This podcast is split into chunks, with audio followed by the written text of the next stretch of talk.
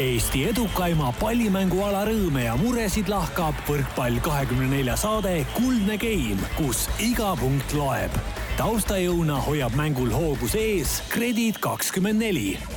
tere, head võrkpallisõbrad ja ilusat jaanuarikuu jätku. kõige muu kõrval, mis viimastel nädalatel Eesti ühiskonnas on tõusnud, tõuseb üha kõrgemale taas ka päike ja see tähendab, et võrkpallikeel oleme talve ületamisel jõudnud mängumeeste punktideni ning ilusa suveni polegi enam väga pikk maa minna. kui pesumasin tasub neil päevil tööle panna öösel, siis Kuldse Game'i saate kuulamine on õnneks ühtmoodi soodne igal aastaajal ja igal kellaajal ning teadlaste hinnangul mõjub ka tervisele reeglina pigem kosutavalt. hea meel on öelda, et tänases saates hakkavad Karin Aldo kõrval Eesti võrkpallist au ausalt ja otsekoheselt rääkima kaks võrkpallientusiasti. Mihkel Uiboleht ja alaliidu president Hanno Pevkur, on rõõm ja au mehed teid siin Kodutänava stuudios tervitada. no tervist. tervist. Mihkel, ikkagi täna hommikul, neljapäeval, mil me seda saadet lindistame kell kaheksa kolmkümmend, oled sa kenasti äh, nagu krapsti üleval juba ja ikka luugid lahti ammu juba, ma saan aru, et sul oli ärkamisega probleeme, aga no sa ütlesid, et, et kui me lindistame kaheksa kolmkümmend, siis saad sina ka ükskord varakult üles, et ma arvan, et meil Hannoga on nagu kuidagi see ärkamine tuleb lihtsamini välja, vähemalt nägude järgi ka praegu vaadata, et sul ikka see nagu padja nägu on veel ees. mul on piimaring tehtud juba, need lapsed kooli viidud. mina ütlengi seda, et minul oli stuudiosse tulla täna täpselt voodist umbes viis meetrit, nii et võib-olla see selgitab äh, nii mõndagi. no see selgitabki, miks unis oled. kuna saates osalejate isiklike tegevuste tõttu oli ühise vaba aja leidmine komplitseeritud, on ka meie saateaeg täna piiratud, asuks seetõttu kohe ka sissejuhatuse asja juurde, uuriks Hanno, kas praegusel julgeoleku, energia ja koroonakriisi ajal üldse jääb aega mõelda võrkpallile? no peab jääma loomulikult, ega noh, kui me vaatame seda, et äh, uus peatreener on, äh, on Eestis juba näidatud, et siis on vaja ju tegelikult muu personal ka kokku saada ja, ja tegelikult järgmise aasta äh, Äh, siis ma mõtlen siis nii-öelda koondise suve äh, järgmise aasta, mitte siis järgmise aasta kui kalendriaasta. Äh, ettevalmistused tegelikult ju kõik käivad, et noh, meil on, meil on päris põnev suvi tulemas ja, ja noh, selles mõttes tegemist on päris palju. Aga mis seisus sa ise oled täna, ma mõtlengi seda tava või, või peamist ülesannet, mis on ikkagi poliitikuna päris ju uskumatult keerulised ajad on keerulised ajad loomulikult, et selles mõttes, et noh, ma siin ütlesin hiljuti välja ka meedias, et tegelikult meil noh, oludes, kus sa ise mainisid, eks ju, meil on julgeolekukriis, meil on energiakriis ja meil on tervisekriis, et, et noh, see nendes oludes mingisugust sellist valitsuskriisi veel siin ette kujutada, et noh, et ei, ei ole meil sellist luksust, et tegelikult äh, tuleks praegu, vahet pole, kas sa oled opositsioonis või koalitsioonis, keskenduda sellele, et kuidas Eesti inimesi aidata ja ja Eesti ettevõtjaid aidata, et noh, kuratlikult raske on, ega me kõik oleme oma elektri- ja gaasiarved kätte saanud ja, ja esimesed kaugküttearved on ka juba tulnud, et et lihtne ei ole ja noh, selles olukorras loomulikult, ega kui riigil on äh, võimalik aidata, ega siis mis riik on, ega riik, me oleme kõik üheskoos ja maksu maksame kõik üheskoos, nii et ega siis see, kui kuskil midagi ümber jagatakse, siis see tuleb ikkagi kõik meie, meie ühisest taskust ja seetõttu tegelikult need meetmed peavad olema väga täpselt sihitud, et me suudaksime aidata tõesti eelkõige ikkagi neid, kes abi vajavad ja, ja noh, aga noh, täna on see abivajajate hulk lihtsalt suurem, et, et äh, igaüks, kes, kes äh, kusagil kodus on elektriarve kätte saanud, et need seda tunnetavad. kui palju, Hanno, sa nädalas Võrkpalliliidu tegemistega umbes tegeled, ma saan aru, et see sõltub, palju üritusi ja asju on ja aga niimoodi keskeltläbi, see on ju sügavalt vabatahtlik töö, et selle eest ei saa ju, ju tasu ja ei, selle eest äh, isegi kiita saab harva et.... ja peale peab maksma tihtipeale ise. No see, et peale maksame, see on, see on elementaarne minu arvates selle töö juures, et ega siin ei olegi valikut, et kõik, kes selle, kõik, kes meil juhatuses on, ega keegi ju raha selle eest ei saa ja, ja eelkõige on ju juhatusel ikkagi ootus see, et raha tuuakse, mitte, mitte raha ei saada ja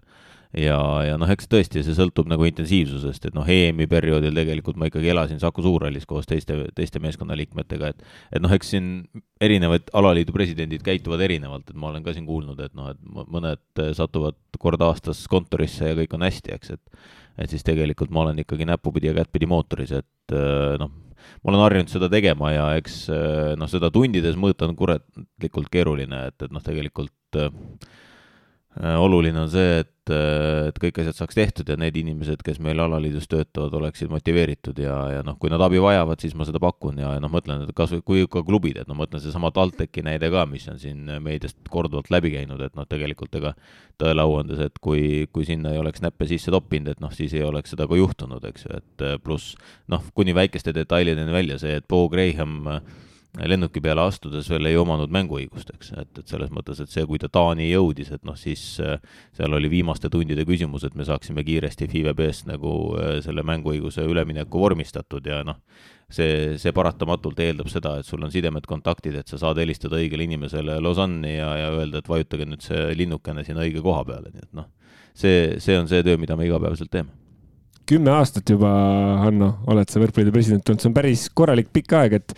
kuidas sa sellele kümne aastale kümne aastale nagu niimoodi hästi lühidalt öeldes tagasi vaatad või et kas, kui sa andsid selle sõrme kunagi kümme aastat tagasi, et kas sa mõtlesid, et, et see saab olema just selline või on see olnud tegelikult nagu ikkagi äh, rohkem aega nõudnud ja rohkem pühendumist veel nõudnud, aga samas kindlasti ka tagasi andnud? Ja ühest küljest on pikk aeg, teisest küljest noh, Oliver Krudaga võrreldes ma olen ikka täitsa poisik alles, et selles mõttes, et äh, meil on siin äh, neid alaliidu presidente, kes on ikkagi väga pikalt olnud noh, oluliselt rohkem, eks, et äh, on ka neid, kes on lühemalt olnud, noh, viimane näide Vehklemisliidust võib-olla, et on, on selliseid üks lühemaid perioode, aga aga loomulikult, ega ma ei teeks seda ju, kui, kui see asi mulle ei meeldiks, et jah, nagu sa õigesti märkisid, et kõik on energia ja, ja raha ja, ja närvikulu, aga aga teisest küljest see emotsioon, mis sa ikkagi noh, ma ei tea, kui ma võtan kas või eelmise aasta kodus EM-i ja sa lähed sinna alla ja oled saja vabatahtlikuga koos ja, ja neli tuhat inimest nagu plaksutab selle töö eest, et noh, siis see emotsioon, noh, seda ei, seda ei ole võimalik millegi vastu vahetada, see on nagu, see on nagu superstaarile, et sa lähed nagu lavale, sul on äh, sada tuhat inimest lemblil ja, ja, ja kõik nagu äh, teevad täpselt seda, mida sina tahad, et meenutage Live Aidi ja mida Freddie Mercury inimestega seal tegi, eks et noh, see on midagi, midagi sellist, mida mujal ei saa kogeda. ja mõtlengi, eriti võistkonnaalade puhul minu meelest see emotsioonifaktor on üks asi, ma mäletan kunagi ka EOK president Urmas Sõõrumaa rääkis sellest, et kas seda emotsioonifaktorit saaks kuidagi nagu mõõta või kuidagi noh, nagu välja tuua, et et noh, individuaalaladel on omad emotsioonid, aga just võistkonnaalad nagu võimendavad seda emotsiooni päris, päris kõvasti, et see on ilmselt see, mis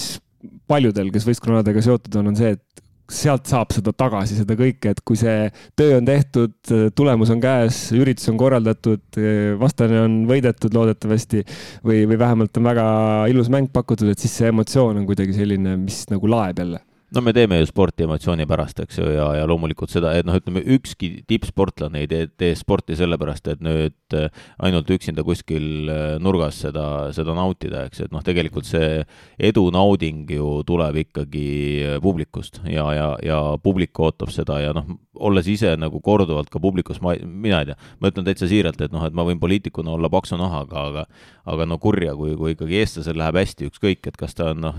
noor iluuisutaja, kes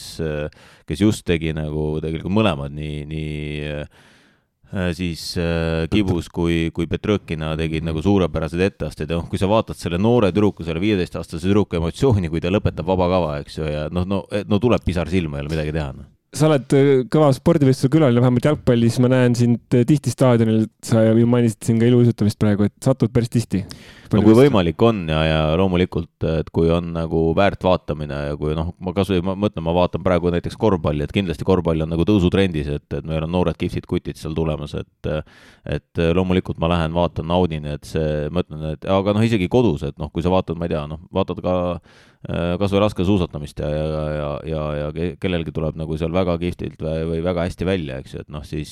noh, see tekitab selle emotsiooni, et ma arvan, et igaüks meist on seda tundnud, kes natukenegi spordi spordis rohkem südamega sees on, et, et see pisar on üsna lihtne tulema tegelikult. palju sa igapäevaselt Eesti võrkpallimänge jälgid ja vaatad? Äh, no ikkagi enamus tulemused ma vaatan ära ja, ja mänge vaatan ka, et, et ega selles mõttes, et noh, see TalTechi mäng oli väga huvitav selles mõttes, et et küll Euroliiga mäng jah, aga noh, oligi see kuulda, et väga palju erinevat spordiala, mulle saatis Korvpalliliidu president saatis öösel sõnumi, et et noh,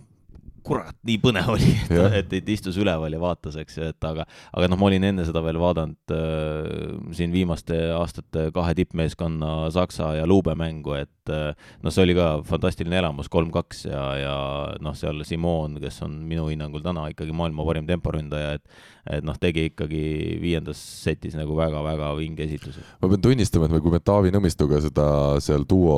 äh, stuudios läksime kommenteerima, siis äh, loomulikult enne mängu algust läksime läksin varem kohale, oli see Youtube'is, kusjuures tasuta too väga hea mäng siis meistriliigas ja me arutasime isegi nende ülekande siis tootjatega või kes seal kohapeal olid, et äkki paneme Youtube'is selle otsepildi hoopis sinna, vaatame selle lõpuni. ilmselt võrkpallisõppedel selle vastu midagi ei oleks, sest sellel just, just viies game algamas ja siis lähme rahulikult üle, aga me otsustasime, et mitte Hanno sulle ja teistele Võrkpalliliidu inimestele liiga palju äh, täiendavaid probleeme valmistada, siis me ikkagi algusest peale vaatasime TalTechi euromängu. nojah, et ütleme tegelikult ikkagi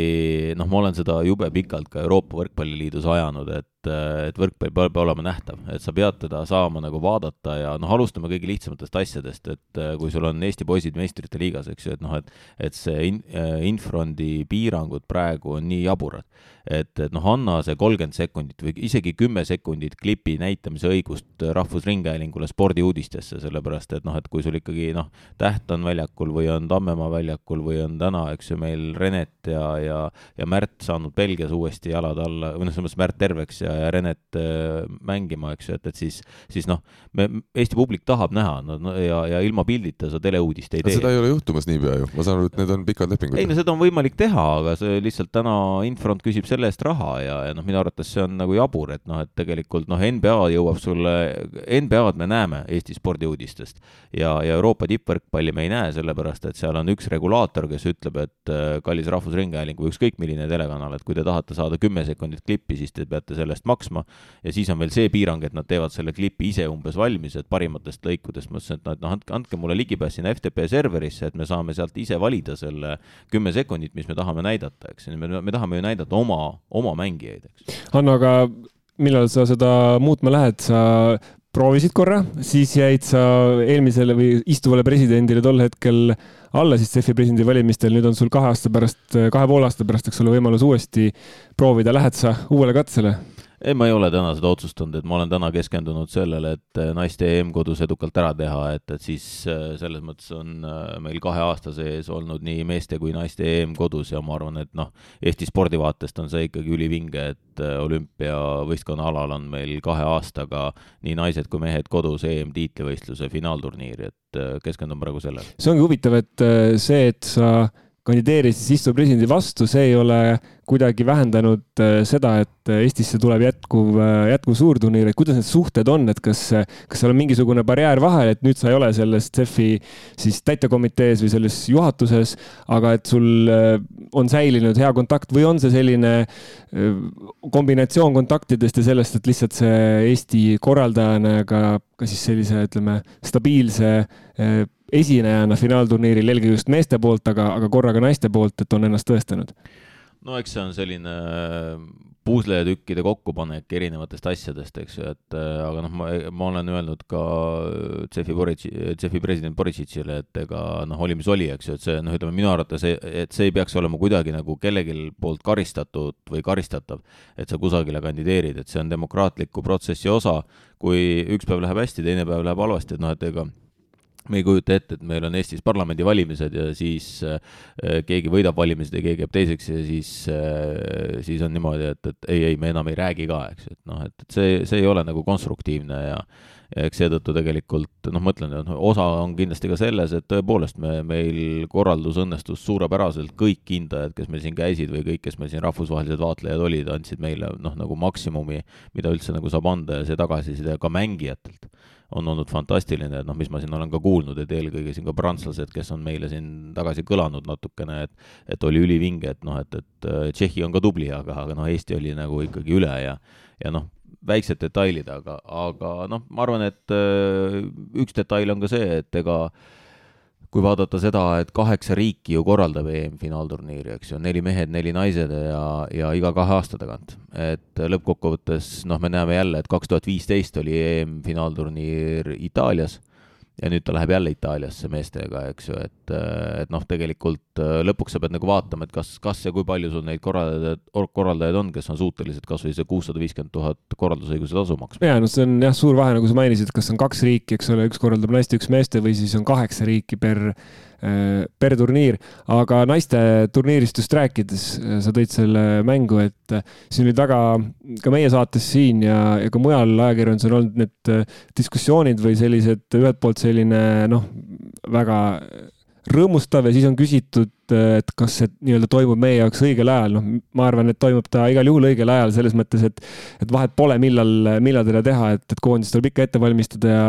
ja, ja noh, see põlvkond, kes praegu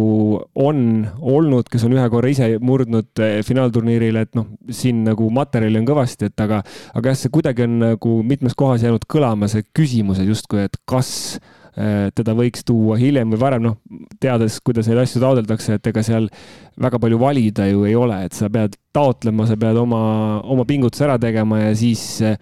noh, siis lootma, et okei okay,, et äkki läheb, läheb läbi, et kuidas sa sellele vaatad, et kas see on nüüd nii-öelda õige aeg? no jah, ma arvan, et kahe aasta pärast oleks täpselt sama küsimus, et äh, miks te ei teinud kakskümmend kolm, et näete, et nüüd on meil äh, Hollas äh, Mõnnakmäe kullergannud, eks ju, et, et võib-olla osad neist selle aja peale lõpetanud, eks, et miks me siis, kui need mängijad veel olid nagu tippmängijad, et miks me siis ei teinud ja, ja võib-olla noored ei ole veel küpsed ja äkki peaks veel kahekümne seitsmendat aastat ootama ja nii edasi, nii edasi, et ma arvan, et, et selles mõttes on minu hinnangul praegu just õige aeg, et esiteks meil on tõesti see põlvkond, kes on korra EM-il käinud, on äh, veel äh, mängimas ja, ja noh, noori tuleb peale, et kui me võtame täna Audentes noortekoondise ja võtame karikafinaali, noh siis sealt äh, alustanud kuuikust ma ikkagi julgen arvata, et neli tüdrukut võiksid olla kindlasti need, kes on äh, äh, väga tõsiselt koputamas põhikuuiku uksele, et, et noh, seal sidemängija Häli Vahula on, on tegelikult väga, väga ilusa arengu teinud, eks ju, et noh, Eva-Liisa Kuivanenist on juba ammu räägitud, eks, et kui me vaatame veel seal tegelikult Liisa Bertensit ja, ja vaatame seal veel neid, kes, kes tegelikult võiksid sinna piiluda või noh,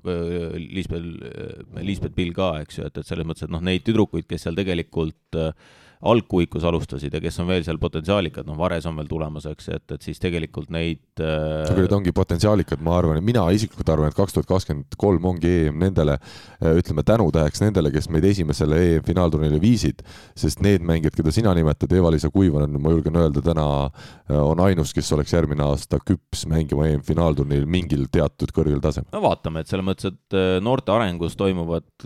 tegelikult vahest ikkagi asjad väga kiiresti, et noh, et võtta seesama, kui me võtame võtame siin äh, Niina Petrõkina iluuisutamises või, või, või võtame Euroopa meistri Värske Valijeva, eks ju, et, et selles mõttes, et et noh, ta oli viieteistaastane, eks ju. see ongi iluuisutamine, see ei ole päris võrkpall. ei, ma olen, ma olen sellega päri, eks ju, et aga noh, lõppkokkuvõttes naiste spordis saavad ikkagi ütleme, sellisel tipptasemel äh, mängijad nagu palju varem nagu ikkagi väljakule kui meeste spordis, eks ju, et noh, meeste spordis mõned üksikud, noh, Michelieta on täna nagu üks Itaalia näide, kes on tulnud nii siis juunioride maailmameistriks ühel aastal kui, kui Euroopa meistriks täiskasvanute hulgas. aga, aga noh, üldiselt üldiselt ikkagi mehed nagu oma sellise kõige parema mängija saavutavad seal kahekümne neljanda, kahekümne seitsmenda eluaasta vahel, eks, siis naiste puhul on ta ikkagi selline viis aastat varem, et üheksateist, kakskümmend kolm on see vahemik, kus naised on tegelikult väga, väga head juba mängimaks rahvusvahelisel tasemel. et seda sa ei karda, et äh, Eesti rahvusnaiskond äh, kodusel EM-finaalturniiril esineb sedavõrd äh, kehvasti, et, et lõpuks jääb ka publik tulemata? on seal see oht või? No oht on alati, aga eh, veel kord, eks ju, et millal, ma vaatan seda mitte ainult nagu tulemuse vaatest, vaid ma vaatan ikkagi ka EM-i korraldamist ka võrkpalli populariseerimise vaatest ja, ja ikkagi sellest, et tegelikult võrkpalli EM täna ei ole, ei ole ainult spordiüritus, vaid ta on ikkagi eelkõige nagu Äh, meelelahutusüritus ka, äh, kuhu inimene tuleb elamust saama, nautima seda emotsiooni, seda korraldust, äh, kõike seda, et noh, ja, ja nägema seda maailma tippvõrkpalli, mida no oletame näiteks, et meile tuleb siia loosiga Poola või Itaalia koondis, noh, või, või, või, või Venemaa koondis, et noh, see oleks ju super, et, et noh. see on Hanno minu, sinu ja Mihkli jaoks super, keskmine Eesti spordisõber, paraku me ilmselt teame, et ta ei, ta ei ole naiste spordis nii suur fänn, et ta tooks kuus tuhat inimest saali tänu sellele. Nõus, aga, aga teisest küljest, kui me kusagilt ei alusta, siis ei juhtu seda ühel päeval ka, et oleks kuus tuhat inimest saalis, et tegelikult äh, naiste jalgpalliga ma väidan, on täpselt sama lugu, et, et noh, et ega sa pead, sa pead alustama kusagilt ja, ja see, et, et kui sa kodus seda EM-i ei tee, noh, kui ma vaatan täna tegelikult äh, siin ühe klubi näitel, kus sul on äh, siin ligi tuhat last ja, ja suhe tüdrukud-poisid on umbes seal kuuskümmend, nelikümmend või isegi kuuskümmend viis, kolmkümmend viis, eks ju, tüdrukute kasuks, siis tegelikult seda potentsiaalikat kasvulava on meil küll, meie me, tüdrukute võrkpallis ja naiste võrkpallis on kõige keerulisem küsimus, et mis saab siis tüdrukutest, kui nad jõuavad äh, gümnaasiumi lõppu. et see, ja ma arvan, et see on nagu jalgpallis ja igal pool, et korvpallis, et, et tegelikult, et kuidas suut-, suuta hoida neid talendikaid noori ja, ja kuidas me suudame tüdrukute puhul on kindlasti raskem ka Audentesesse neid tuua, et noh, et, et poiste puhul selline üheksandasse või kümnenda, vabandust, kümnendasse klassi nagu Audentesesse tulek on nagu natukene kuidagi nagu lihtsam, et tüdrukute puhul kodust äratulek on kindlasti natukene raskem. ja ma kohe sekundeerin sulle, Hanno, selle koha pealt, et, et just see kuni Audentese lõpuni on kõik selge, et seal on kolm aastat tegelikult väga professionaalsetes tingimustes ja, ja tasemel see asi. aga mis saab edasi, et ma võtsin siin ühel õhtul kokku kõik Audentese lõpetanud võrkpallurid, kõik läbi aegade, kakskümmend, äkki kakskümmend üks lendu oli kokku. sada viiskümmend võrkpallurit on kokku seal käinud, selle aja jooksul sihuke ilus number. seitsekümmend kuus naist, seitsekümmend neli meest ja nendest. las Hanno arvab, mitu neist on jõudnud siis jah, see on huvitav, huvitav statistika, et palju sellest saja viiekümnest, see on asjad, naised, mehed koos, palju neist välismaale on jõudnud ja palju neist on koondisse jõudnud, noh, need on siuksed minu, minu andmed, mis minu nagu mälu ja internetis oleva info, info põhjal sai kokku pandud, et ega mul mingit nii-öelda päris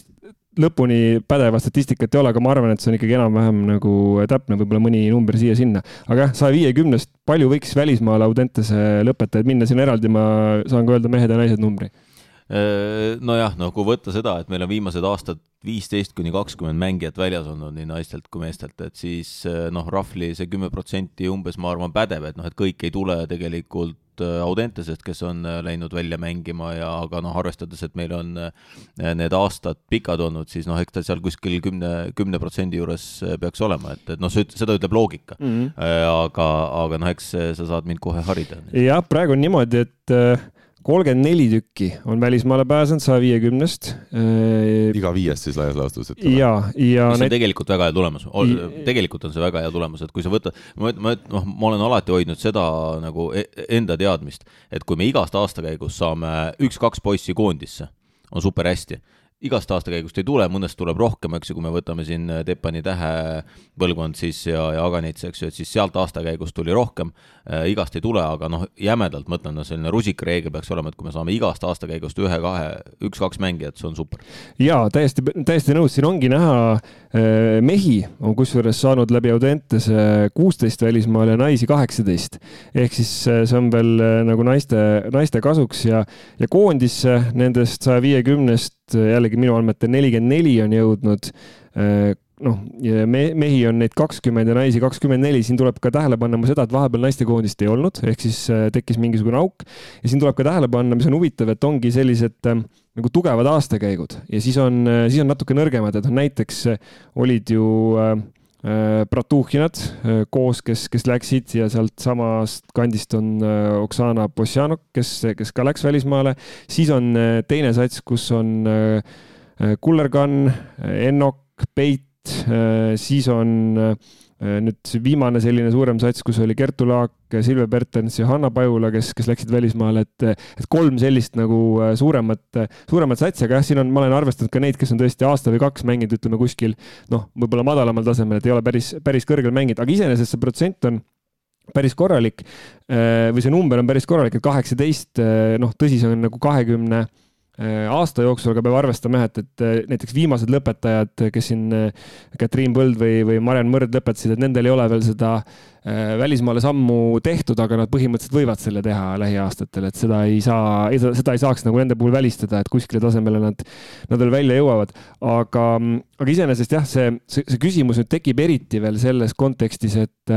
no ühelt poolt on see ilmselt äh, sulle kui võrkpallijuhile küsimus alati, et kas me, kas meie raha on nii-öelda hästi kasutatud, ehk siis kas Audentesest tuleb piisavalt head materjali. ma eeldan, et, et, et see on nagu üks osa, sest see on nagu riiklik tellimus, mis läheb nii-öelda alaliidu äh, reale ja lõpuks on see päris suur number, kas mingi paarsada tuhat euri aastas äkki suurusjärgus. aga teine asi on see nüüd EM-i kontekstis, naiste EM-i kontekstis, et kas on kuidagi võimalik Äh, nagu forsseerida seda poolt, et järgmised aasta need võtmetegelased oleks meil äh, pühendunud või vähemalt võimalikult palju pühendunud äh, jalgvõrkpalli. loomulikult need, kes välismaal mängivad, kes palka saavad, nendega on lihtne, aga mingi hulk on nüüd neid, kes, kes ei ole välismaal, et kas, kas siin on noh, ega iseenesest võib ju lihtsalt öelda, et Eestis ei ole profiklubisid naistes ja, ja ongi kõik, on ju, et aga kas, ma mõtlen, et kas see EM-i projekti raames on kuidagi äh, näed sa kuidagi, et oleks seal võimalik mingit sammu astuda? eks äh, see EM, nagu ma ütlesin, kannab ju kahte eesmärki, üks on sportliku taseme tõstmine ja teine on ala populariseerimine ja kolmas tegelikult ma tooksin siia ikkagi selle fännikultuuri arendamise ka, et, et noh, need kolm eesmärki tegelikult ju EM-i korraldamisel on. Äh, ja, ja noh, kui,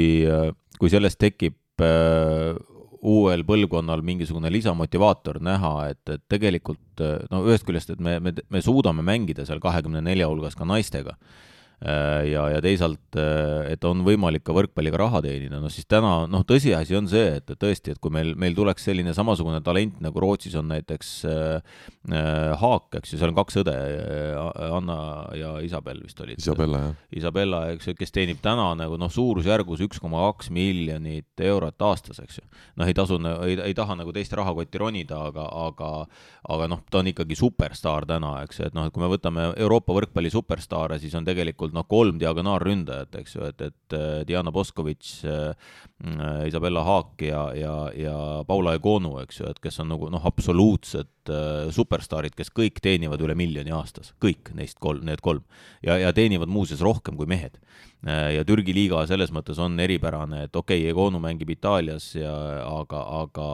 äh, Boskovitš ja, ja Haak mängivad Türgis ja, ja neil on selles mõttes sellised lepingud, kus nad teenivad Türgis rohkem kui mehed. nii et selles mõttes see, see väljund, loomulikult seda ei saa võrrelda jalgpalliga, et noh, nagu me, ega siis kõik spordialad peavad tunnistama seda, et noh, et, et jalgpall ei ole nagu sport, et jalgpall on religioon, eks ju, et äh, aga, aga noh, see ongi ebareaalne muidugi, mis, mis jalgpallis rahad liiguvad, eks, et noh, seal minutis teenivad vennad rohkem rohkem, kui siin on Eesti klubide eelarved, eks ju, et noh, siis ei noh, noh, nii hull ei ole, aga no suurusjärgud, eks ju, et me saaksime aru, et et äh, noh, see see motivaator, kuidas need tüdrukud mängiksid pärast Audentese lõppu, on äh, tõesti väga-väga suur küsimus ja noh, ma arvan, et äh, siiski on ebarealistlik eeldada, et siin lähiaastatel võiks tekkida professionaalne liiga Eestis. aga et, üks klubi jälle? Nagu... jaa, aga vaata, see on küsimus, et mis see klubi teeb, et kus ta mängib, et noh, et ei ole nagu ka seda pointi ju, et, et me teeme siia ühe superklubi, eks ju Äh, ja tal ei ole siin Eestis vastaseid, et noh, siis peab olema rahvusvaheline väljund, et kas see on siis Soome liiga, kas me loome mingisuguse muu noh, Vene, selleks, et näiteks minna ka naistega Vene liigat mängima, noh, väga-väga keeruline, eks ju, et kõik reisimised, viisad, äh, piirangud, noh, väga-väga keeruline, et siis pigem ikkagi peab vaatama seda, et tõesti näiteks minna, võttagi projekt, et, et sa lähedki mängima Soome liigat, elad seal. aga see on täna siis aga... teemast maas või? see ju, seda see... ju aasta tagasi kaaluti. jaa, muidugi, aga noh, ma ütlen, koroona pani kõikidele, nii meeste kui naiste poolele praegu põntsu ja, ja meil noh, enne kui ei ole nagu aru saada, mis meil koroonaga saab, et, et siis ei, ei ole mõtet nagu õhku lihtsalt soojaks puhuda ja siin noh, selle Audentese küsimus on see, et justkui see on, noh, me saame nimetada seda selliseks, noh, ta ei ole, ta on keskharidus, eks ole, mis sealt äh, saadakse, aga mingis mõttes on ta natuke nagu kutseõpe, et sa saad ikkagi, äh, kui ma õigesti mäletan, seal vist isegi on sa saad selle tippsportlase nagu tunnistuse või mingisuguse sellise tippsportlase, tippspordi kallakuga on see, on see, on see keskkooli lõputunnistus. et ühelt poolt meil on nagu tellimus, aga nüüd on jah, et nii-öelda mitu naisvõrkpalluri töökohta Eestis on, hetkel ei ole ühtegi, aga et mis oleks siis järgmine samm, et nagu sa mainisid, Soome ja, ja siis nagu Euroopasse, et, et pigem on jah, see, see link, et kas ja kuidas, noh, ma ei tea, kas on, kas on kuidagi mingisugused agendid, kes, kes käivad juba Audenteses seal, seal neid talendikamaid tüdrukuid vaatamas või kas seal annaks noh, näiteks ka Audentese treenerite või, või ma ei tea, mänedžeride poolt äh, nii-öelda nõustada neid tüdrukuid ja suunata, et kuhu välismaale üldse nagu võiks vaadata, sest et noh, nagu sa mainisid, ma olen täiesti nõus, need kujud, kes seal on praegu, seal on jällegi, äh, kui me võtame siin neid andekamaid põlvkondi, mis enne sai läbi käidud, kus, kus jõuti välismaale kahe-kolme kaupa, siis seal praeguses selles tuumikus võiks ju täpselt sama olla, et sealt võiks kaks-kolm kohe minna põhimõtteliselt. ja, ja absoluutselt, et äh, see noh, Noora Lember jäi vist ennem mainimata, et ma vist ütlesin Bertensi, aga Noora, Noora Lemberit mõtlesin. et vabandust, et mm, need neli, keda ma mainisin, aga noh, seal on veel, eks ju, et selles mõttes, et isegi noh, teil teab, kui ma Varese juurde, siis ma nimesin, nimetasin isegi viis vist. et äh, ja, ja sealt neid kihvte kujusid, kes meil on seal täna neljateist-viieteistaastased äh, pikad, sellised meeter kaheksakümmend viis pluss tüdrukud, et äh, noh, neid, neid on ju tulemas küll aga see, see rahvusvaheline väljund tuleb eelkõige läbi koondise. Et noh, see, see on see, kus agendid tegelikult tööd teevad, nad ja, ja noh, et tegelikult iga, iga mängija, vahet pole, kas sa oled poiss või tüdruk, tegelikult see eesmärk peaks ikkagi olema see, et sul on ühel hetkel sinimustvalge särgi peal ja, ja sa mängid rahvuskoondises ja ja sealt tekib see rahvusvaheline väljund, et noh, see on nii jalg-, no see on igal pool niimoodi küsin Hanno veel naistekoondise kohta seda, et äh, kui lihtne või keeruline oli see otsus, et jätkata Lorenzo Micheliga, sellepärast et äh, valiksari läks kehvemini, kui äh, vähemalt mängijad ise ootasid, olid, olid päris pettunud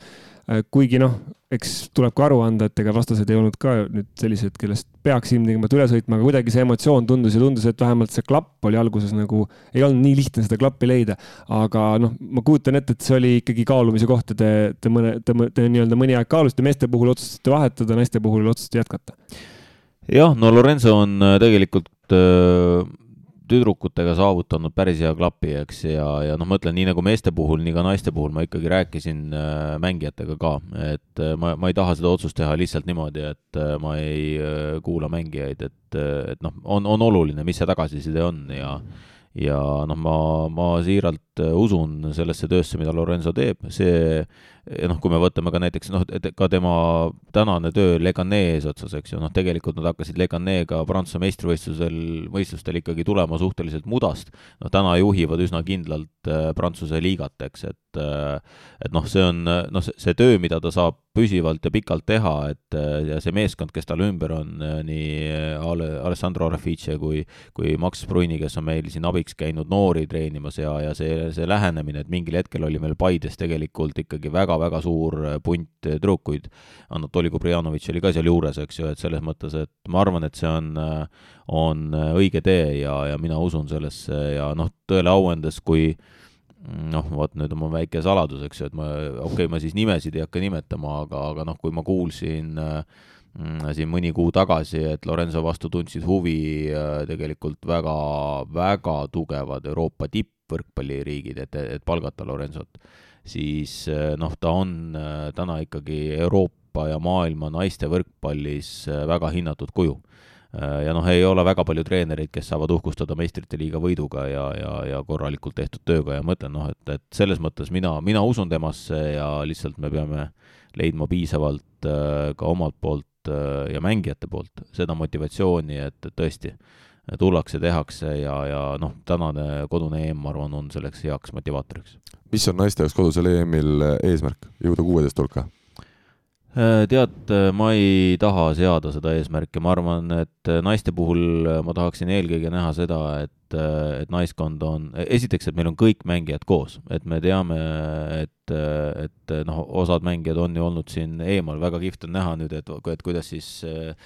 Kertu ja, ja Julia ja, ja Kristel äh, Viljandis mängima hakkavad, aga aga noh, lõppkokkuvõttes tegelikult ikkagi see koondis peab olema nagu, nagu ma olen alati öelnud, et koondises peavad mängima need, kes, kes tahavad Eestit esindada, et sa pead tundma, et see on üks ühine asi, mida me teeme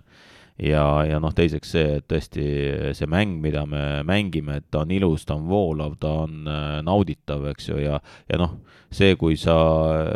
kui sa isegi siis sealt kuueteist hulka ei, ei murra, no pole hullu, eks ju, et noh, alustaks sellest, et äkki, äkki proovime kedagi ära hammustada. et me olime suhteliselt äh, nagu noh, nii-öelda äh, Äh, heas, heas konditsioonis tegelikult ka kaks aastat tagasi, et äh, või, või poolteist aastat tagasi, et EM-ile kvalifitseeruda, aga, aga noh, seal olid jälle väikesed detailid, mis selle, mis selle meilt ära võtsid. kellega Eesti koos siis seda järgmise aasta EM-i korraldab?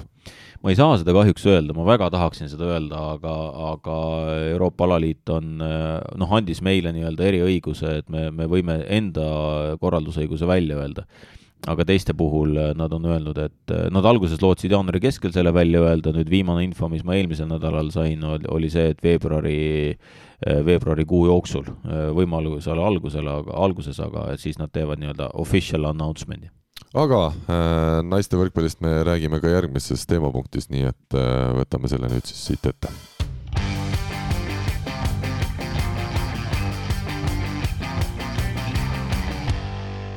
Eesti naiste karikavõitjaks krooniti möödunud pühapäeval Tartu Ülikool Bigbank, kes alistas üsna ühepoolses finaalis Tartus tulemusega kolm-null Audentese spordigümnaasiumi noortekoondise. geimides andis Tartu Audentesele kakskümmend üks, kakskümmend ja üksteist punkti.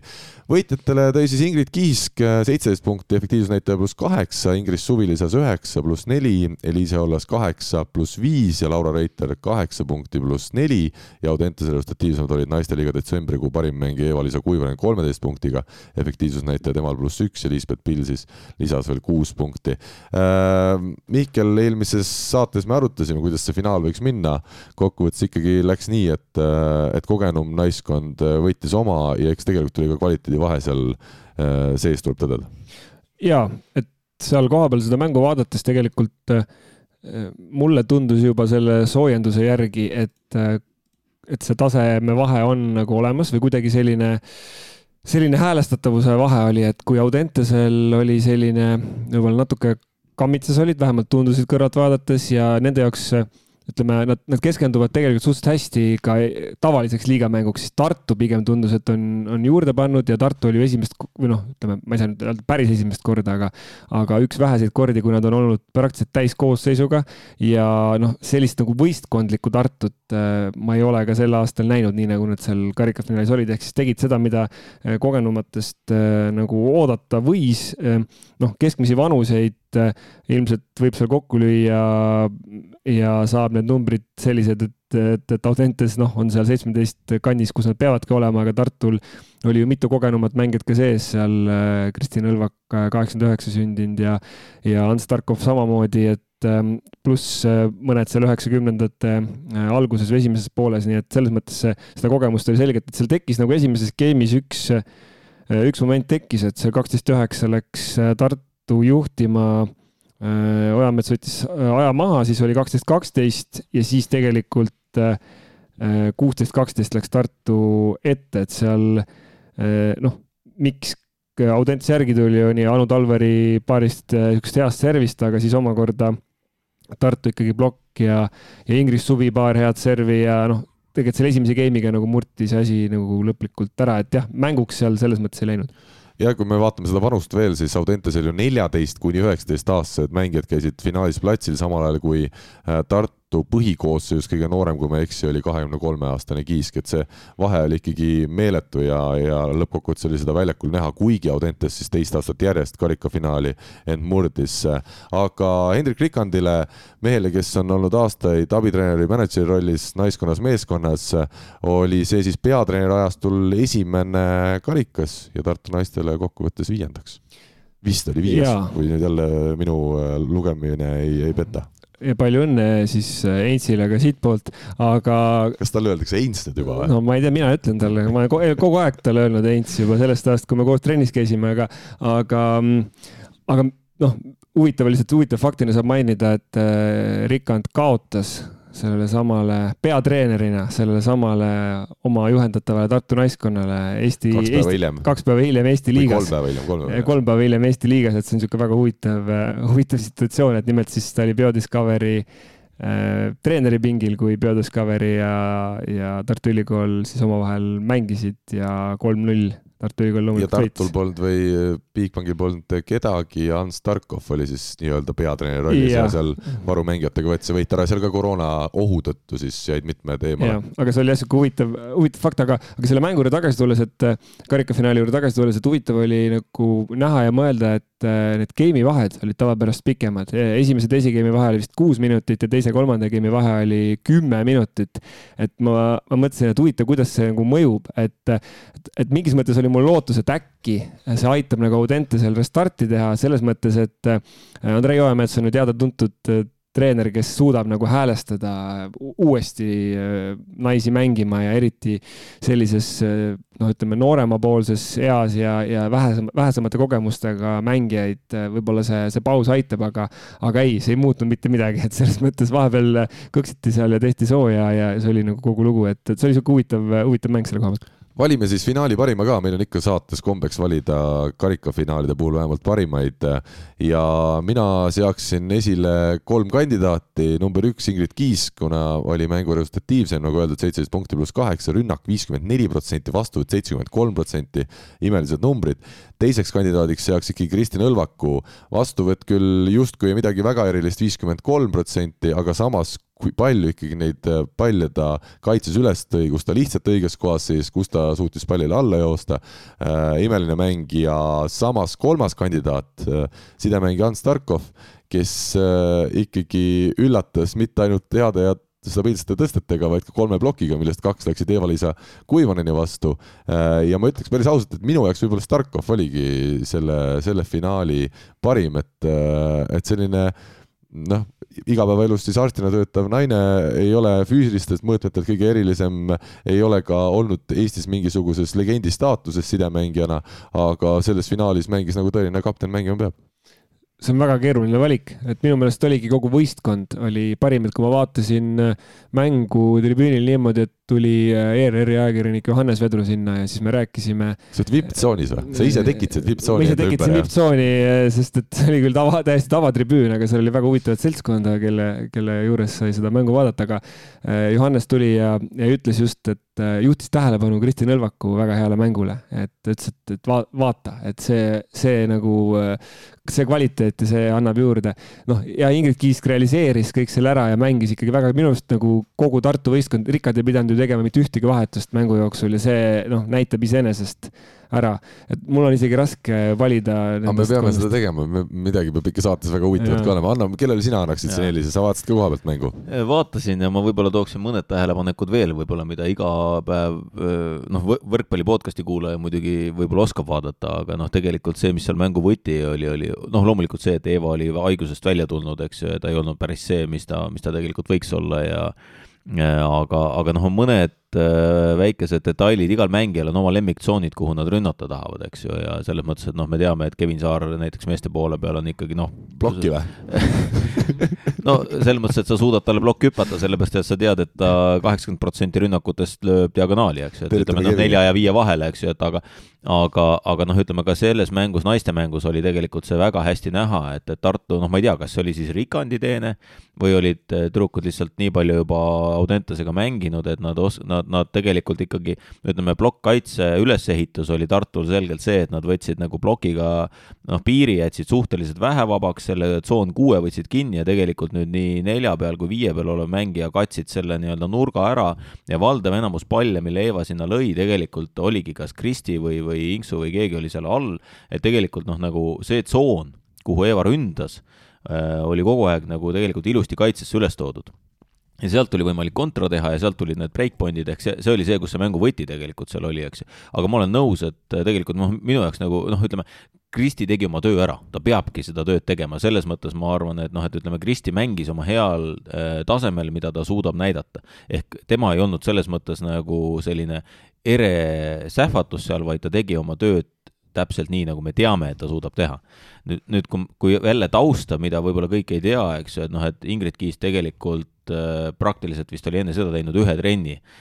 umbes, et, et noh, ta, ta oli üsna pikalt eemal, eks ju, ja, ja ja noh, ei olnud nagu nii suure mängupraktikaga. et siis tegelikult tema tegi nagu selles mõttes supermängu, aga ma olen, noh, ütleme selles mõttes ma olen Karl sinuga nõus, et et Starkov äh, suutis äh, noh, Hälivahulale kindlasti nagu väga head konkurentsi pakkuda ja aga noh, ma, ma tooksin siiski Hälivahula ka välja tegelikult, et nad ei võitnud, aga, aga noh, kui ma vaatasin nagu tõste kvaliteeti, et tõsi, loomulikult. Ta on veel noor äh, sidemängija kohta ja, ja see side, äh, tõste kvaliteet natukene kõikus, aga ma ei ole pikka aega ikkagi näinud Eestis jälle nagu noh, Kaisa nagu suutis ka lükata sellist äh, Pahmatšev, me peame rääkima vist perenimedega, meil on võib-olla mõni kuulaja, kes päris vabandust, jah, et noh, et kes suudaks nagu sellist pikka ikka kiiret palli nelja peale lükata ja, ja Häli suudab. Ja, ja selles mõttes, et see on noh, see on üks omadus sidemängijal, mille pealt sa suudad teda nagu hinnata, kas ta suudab nagu sellist äh, kahe pealt pikka palli nelja peale lükata ja, ja piisavalt kiiresti, et see kõrgust ei kaotaks, nii et äh, noh, aga noh, kui sa pead ühe valima, siis, siis noh, jah, ma ikkagi arvan, et Kiisk või Starkov, aga, aga, aga no ma jään Kiiski, Kiiski juurde. nii, meil on üks ajast Kiiskil, üks Starkovil ja Mihkel, sina pead nüüd valima, kumb siis? Kiisk, ütlen lühidalt, kuigi jah, siin võiks kõik kiita tervet võistkonda ja võiks kiita ka Hanno poolt välja toodud Häli Vahulat, samamoodi täiesti nõus ja sama äh,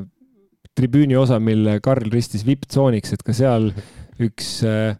üks äh, väga palju äh, tiitleid võitnud sidemängija kiitis samamoodi Heli Vahulat, kellega mul koos õnnestus seda, seda mängu vaadata, nii et äh, et seal on kindlasti materjali, et nüüd tuleb öelda. et see null kolm. nüüd tuleb öelda, et peaasi, et külm ära ei võtaks. ja, aga vaata, ütleme selles mõttes, et veel, veel miks, miks Kiisk võib-olla nagu grammi jagu on, on eespool, on tegelikult just nimelt kõik need näitajad ehk see universaalne, universaalne mäng, väga hea rünnak, väga, väga hea servi vastuvõtt rünnakuprotsent sa juba mainisid, mida sa ei maininud, mitu ässa ta lõi kolm ässa. just, et selles mõttes, et ja, ja, ja need, mis läksid nii-öelda, nii-öelda poolässad, mida praktiliselt ei olnud võimalik rünnata, toodi kuidagi vaikselt üles, et, et ta suutis selles mõttes ka serviga varieerida, et, et okei okay,, osad ässad tulid võrgu puutest, kukkusid sinna ette meetrisse maha, aga, aga tegelikult see on hea mängija tunnus, et ta suudab selle serviga varieerida niimoodi, et sa lööd pikka palli, sa lööd lühikest palli äh,, lähed natukene tugevamalt lööma, planeerivat, eks ju, selles mõttes, et noh, ja, ja minu, minu arvates selles mõttes tegelikult Ingridi mäng oli oli väga hästi üles ehitatud, noh, ka nagu noh, näitajad seda ka ja numbrid seda kinnitavad. ja just see, et need pallid sealt võrgu koha pealt kukkusid äh, Tartu poolt vaadates õigele poole kogu aeg, et noh, see lihtsalt äh, see, see, see kõik nagu näitas, et see pidi minema seekord niipidi mis asi, Hanno, sa oled kindlasti jälle naiste hingeeluga rohkem kursis, mis sellega Eesti võrkpallis on, et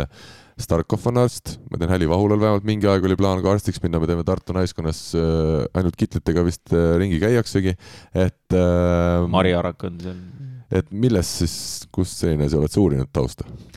No eks seal tuleb Tartut nagu vaadata, eks ju, et Tartu vaim ja aga, aga no Helivahul on Rakverest. no seda küll, aga noh, mingil hetkel võib-olla, kui sa mõtled Tartusse minna, kui sa Tartusse mõtled minna, eks ju, et, et aga tõepoolest, mina olen ka kuulnud, et Heli, Heli mõtleb arstiteaduse peale, et et ju siis seal on midagi, mis, mis noh, teisest küljest ma arvan, et kui sa võtaksid nüüd teised erialad välja, võib-olla siis sa leiaksid seal ka mingisuguseid kattuvusi, aga, aga no nii palju, Kiisk on täpselt samamoodi arstiks õppimas, et, et see et no aga vaatame positiivselt. ma, järelikult... ma, ma siin midagi negatiivset välja küll ei tooks, jah. ei no meditsiiniline abi on olemas, ütleme niimoodi. et, et kui midagi peaks platsil juhtuma, siis vähemalt on inimesi, kes oskavad äh, midagi peale hakata. aga mis oli tõesti, jaa, ma tahaks just selle juurde jõuda, et jah, see finaal oli ühepoolne. Äh, üks vahemärkus, nelisada pealtvaatajat koroona ajastul naiste finaalil minu jaoks meeldiv üllatus. Äh, aga ikkagi see, et Audentes ka ise ei võtnud seda kaotust kuidagi muserdavalt, et see kaotus ei näidanud, et nüüd asjad on halvasti. paar päeva hiljem mängiti Rae aega, võeti kindel, kindel võit ja see näitas ikkagi, et võib-olla seal oli seda karikafinaali pabinat natukene ja tegelikult Andrei Ojamets ei ole ikkagi tütarlastega halba tööd teinud. Andrei äh, väga sellised kihvtid kommentaarid olid pärast äh, finaali ja see, kuidas ta neid ütles, oli ka veel eriti, noh, ta ei öelnud seda selliselt nagu väga ükskõikselt, oli selge, et ta oli nagu noh, natukene äh, ma ei tea, muserdatud sellest kaotusest ja natuke ka emotsionaalselt väsinud, aga ta nagu näiteks kommentaariks näha, ta võttis ennast kokku ja ta noh rääkis ju seda, eks ta saab aru, et seda kõike vaatavad ju ka tüdrukud, et ta, ta ikkagi rääkis seda just selle nurga alt, et ei ole midagi, me läheme edasi ja me oleme suure asjaga hakkama saanud, see oli, see oli õige. ja noh, omaette küsimus on see, me ei saa kunagi teada, mis oleks juhtunud, kui see finaal oleks toimunud õigel ajal, ehk siis detsembris, kui koroonaviiruse tõttu lükati see, lükati see edasi, et tol hetkel tundus, et Audentes on paremas hoos ja tundus, et Tartul on suuremad probleemid, et Tartu jaoks mõned nädalad eh, või peaaegu kuu aega hingetõmbeaega oli kindlasti oluliselt eh, vajalikum ja noh, me teame, et Kuivonen vahepeal oli, oli haige, nii et aga mehed, läheme edasi, meil täna teemasid jagub, meil on veel Annole küsimus, kas sul on vaja, eks ole, minna Riigikokku täpselt mingiks kellaajaks ja, ja nemad sul nagu ei lase väga hilineda? no sedapuhku nii on jah, et ega põhitööd on ikkagi vaja ära teha. riikliku pensionikindlustuse seaduse muutmise seaduse eelnõu on Hannol vaja menetleda täna tahad sa väga detaili minna sellega või? Lähme no, detaili. nelisada kuuskümmend kuus SE teine lugemine ilmselt on, nii et. Lähme detaili, me ärme nüüd äh, Annale neid igavaid asju meelde tuleta, räägime praegu ikkagi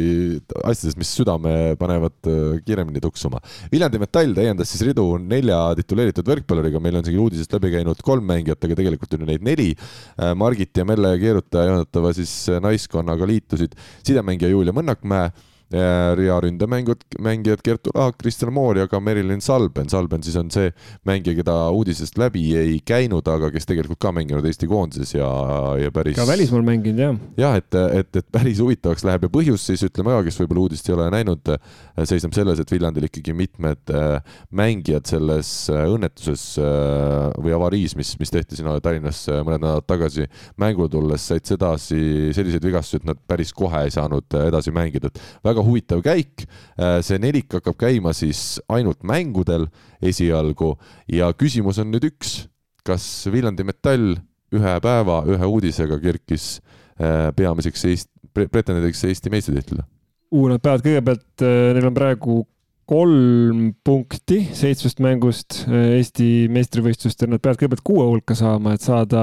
siis. no lepime selle asja kokku, et, et sinna nad jõuavad, Mihkel, seda ma sulle luban. Äh, oota, spordis ei ole miski kindel, enne kui on äh, kindel, aga ma olen nõus, et suure tõenäosusega nad jõuavad. küsimus on, mis koha peale nad jõuavad no. ja siis on küsimus, et milline see, see tee sinna seal play-off ides saab olema, aga mina märkisin küll Viljandi Metalli mängud endale kalendrisse kohe pärast seda uudist no ma arvan, et tegelikult. kas need sul enne ei olnudki seal kirjas, oot-oot-oot, Mihkel? enne ei olnud, äh, peab, peab tunnistama, aga, aga siis märkisin. et tegelikult see on, äh, ma arvan, Eesti naiste võrkpallile tervikuna ikkagi väga hea uudis, et äh, noh, ma arvan, et nii Kertu kui Jull tegelikult peavad ennast ikkagi üles leidma koondise perioodiks ja, ja see, et neil on mõlemal tekkinud nüüd võimalus ennast koguda ja, ja noh, et me teame, et Kertu Kertu öö, otsib ennast öö, ja seda armastust võrkpalli juurde tagasi, nii et küll ta, küll ta leiab ja ma olen temaga päris palju sellest rääkinud ja, ja noh, ma arvan, et et tasub äh, oodata, aga noh, ma, ärme nüüd seda ka arva, et noh, et äh, nüüd tuleb ja hakkavad kohe kolm-null võidud kõik tulema. oot-oot, sa tahad öelda, et kui Julia Mõnnakmäe annab tõsteid Kertu Laagile, kes ma julgen öelda, et Eesti liigas vähemalt enamikest mängijatest suudab palli lüüa lihtsalt üle ploki maha ja seal on kõrval veel Kristel Moor ja kogemusi annab Salven ja minu arust seal on ka paar päris korralikku noort Viljandil endal peale tulemas, et neid kolm-null võite ei hakka tulema, mina arvan, et need hakkavad tulema ikkagi, Anno. no vaata, punnitada on ikka vaja, aga selles mõttes. ei no,, punnitada on vaja, ei Anno, küsimus on kolm-nullist. ja Julial on mängupaus päris pikk olnud, eks ju, et noh, nüüd on Gertrul ka juba paar kuud vahele jäänud, eks ju, selles mõttes, et eh, noh, küsimus selles, et kas nad jõuavad kohe Äh, kogu äh, Viljandi klubiga jõuda sinnamaale, et, et noh, et loomulikult taset on selles mõttes piisavalt, et, et taseme mõttes ei ole, küsimus on nagu selles, et kas mängupraktikat on, on olnud, kas see pallitunnetus on, eks ju, et, et selles mõttes, et noh, see võrkpall ei ole päris nii, et, et noh, et nagu rattasõit, et istu ratta selga, saan jälle sõita, eks, et ta natukene, see pallitunnetus on ikkagi miskit, mida sa pead nagu uuesti otsima ja, ja noh, aga noh, nii, nii kogenud mängijate puhul loomulikult see tuleb kiiresti. Äh, ja eks, eks läheb põnevaks, nii et ma pigem usun ka, et nad kuue hulka jõuavad, kaugele nad äh, tervikuna jõuavad, kas äh, neist on vastast ka siin Tallinna Ülikoolile, Raele ja, ja, ja, ja Tartule ja Audentesele, noh, saame näha. no siin ongi see, et kui nad näiteks tõusevad, ma ei tea, seal neljandaks või viiendaks siis, äh, siis tulebki vaadata, kellega nad kokku lähevad, eks ole, et kaks esimest äh, jäävad ootama oma poolfinaali vastaseid, on ju, nii et praegu on kolmas Võru, tema mängiks siis DBD äh, Biodiscoveriga ja Audentes ja Rae mängiks omavahel ja nende, nende võitjad siis vastavalt Äh, Tartu ja, ja, ja Tallinna Ülikooliga omavahel, nii et noh, seal, seal tekivad väga huvitavad paarid, aga. nojah, aga Viljandi no, nüüd kindlasti kerkib sinna kuue hulka. jah, tõenäoliselt. Biodiscovery ilmselt jääb välja sealt või siis jääb, äh, nojah, seal on natukene see. seal on natukene, et noh, tõenäoliselt äh, Rae on Biodiscovery'st ikkagi lõppkokkuvõttes üle, aga noh, näiteks ja. ka TalTechil on ju veel Äh, mängimata võrreldes äh, Biodiscovery ja Raega seal kaks mängu vähem mängu. no ma saan aru, et klaaskuul on toodud stuudiosse, nii et läks, läks lahti. siin läks, läheb nüüd, aga see ongi seesama, mida me oleme siin ka saates mitu korda rääkinud, et kaheksa naiskonda ja see tekitab äh, väga suure siukse põnevuse ja varieeruvuse ja noh, kui, kui hooaja alguses oligi seesama, et kui noor see liiga on ja, ja noh, eks ta ongi noor, Rae on noor Äh, seesama Viljandi metall on vähemalt senimaani olnud päris noor Audentesest rääkimata ja isegi Tallinna Ülikool on suhteliselt noor või vähemalt sihuke pooleldi, pooleldi noor. ja noh, lihtsalt, et, et see tekitas nagu küsimuse, et kui, kui palju, kui palju seda konkurentsi selles liigas on, aga noh, sellised käigud toovad alati, see on see, nagu kasutatakse selle omikroni tüve kohta, et see on mängumuutja, et see on sihuke küll natuke halb inglisekeelne tõlge. on vaja sõnaust on vaja. jah, sõnaust, et game changer'i asemele midagi, et, et, et aga põhimõte on selge, et see, see, see on nagu paradigma nihe, nagu ma kasutaks ühe võrkpalliametniku väljendit, mida ta tihtipeale kasutab. ohoh äh,, igatahes naisteliigas siis selline seis Eestis, et Tallinna Ülikool Kikas ja Tartu Ülikool Bigbank on siis juba Viljandi jaoks püüdmatus kauguses, isegi teoreetiliselt neid ei ole võimalik kohustada, aga kui Viljandi peaks nüüd järjest siis teises ringis kõik seitse mängu näiteks võitma ja kolm-null või kolm-üks, siis neil on võimalik kerkida veel kahekümne nelja punkti peale, hetkel Võru kolmandal kohal kahekümne punktiga. ehk siis teoreetiliselt kolmas koht, aga kui me vaatame realistlikult, võib-olla neljas-viies koht siis peaks olema. ma arvan nüüd niimoodi, Võru on ka alahinda, et Võru, Võru on nagu, ma lähen täna Võrru muuseas. jaa, ei, aga Võrul on väga lihtne, oot-oot-oot, Hanno, sa ei ole tabliseisu vaadanud, neil on kaksteist ma... mängu mängitud, neil on ainult kaks mängida veel sellepärast on see küsimus, neil ei olegi kahekümne kuuest punktist rohkem võimalik teenida. no aga Võrul on vaja Raed ja TalTechi võita ja korras. kaks mängu mängida ja kakskümmend neli punkti koos on ja sa ütled kahekümne kuue. kakskümmend punkti on. aa, kakskümmend on, sa ütlesid. ja ma ütlesin, et Viljandil on võimalik kahekümne nelja peale kerkida veel. aga, aga Võrul on Raega ja TalTechiga mängida vaja, nii et ähm, sealt, sealt tuleb ma pean Mihkel lihtsalt ütlema, et me peame saatega edasi minema, nii palju teisi asju veel rääkida ja Annal juba hakkavad Riigikogus kellad helisema. kakskümmend üheksa jaanuar peaks olema siis veel see kuupäev, mil Viljandit äh, peaks nägema järgmisena mängutules. kodus mängitakse Raega, nii et ka hea mäng, aga liigume siit edasi. kes võidab keda, kas sina oskad ennustada seda? spordiennustus portaalis Pahv, Pahv lööb pahviks Pahvi ennustusrubriigis siis äh, ütleme nii palju ära, et Rait Rikberg, kes on liberana Tartu Bigbankis kaetud Pahvi värvidega, hakkab meil iganädalaselt tegema eriennustusi ja esimesel nädalal ennustas ta siis eile, et Thessaloniki Paok võidab kordusmängu Self Challenge Cupis Bastardo vastu, kuid kuldse game'i kaudu pääseb edasi ikkagi Bastardo. poolenisti pani Rait täppi, sest Bastardo sai edasi, võitis siis ka kordusmängu äh, Janis Kalmasidis juhendatava Paoki vastu kolm-üks ja kindlalt edasi läks. üldseis on selline, et mina ja Mihkel tegime eelmisel nädalal väga hea head tulemused, kõik, mis me ennustasime õigesti. Panime, minul tuli nädalaga isegi rekordiline viiskümmend pluss eurot eh, siis plussi ja kerkisin kokkuvõttes meie tabelis teisele kohale, aga läheme siit kiirelt eh, kohe, Mihkel, sinu selle nädala ennustuste juurde. Jaa, minu lemmik Tšehhi liiga loomulikult ja minu lemmikvõistkond Ustinad Laabem mängib taas kord eh, Tukla Liberetsiga seekord. Ja ennustan loomulikult oma lemmik Ustinad Labemi võitu, üks koma seitsekümmend kuus on koefitsient, sinna siis pool ja Lõuna-Korea liiga on teine, seal on selline võistkond nagu äh,, ma nüüd Nii. pean võib-olla häälduse osas äh, ma hääldan seda osa, mida ma oskan hääldada, ehk siis Korean Air on, on selle võistkonna üks nimi, üks osa nimest, ehk siis kuna lennufirmad ja lendamine mulle iseenesest väga Nende, meeldib. Nende peatreener on Roberto Santilli äkki või? no vot, seda saab kohe Karl guugeldada. Äh, aga igal juhul nemad mängivad kodus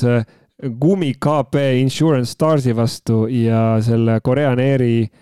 koefitsient on üks koma kuuskümmend seitse. ma ütlen vahele, et ei ole enam. enam ei, ei ole. aga oli? oli. no näed. no näed, mälumängu, mälumängur Pevkur äh, sai peaaegu punktid kirja, aga üks koma kuuskümmend seitse on siis selle Korean Air koefitsient, nii et äh, minu pool panust enda peale. ja minul väga kiiresti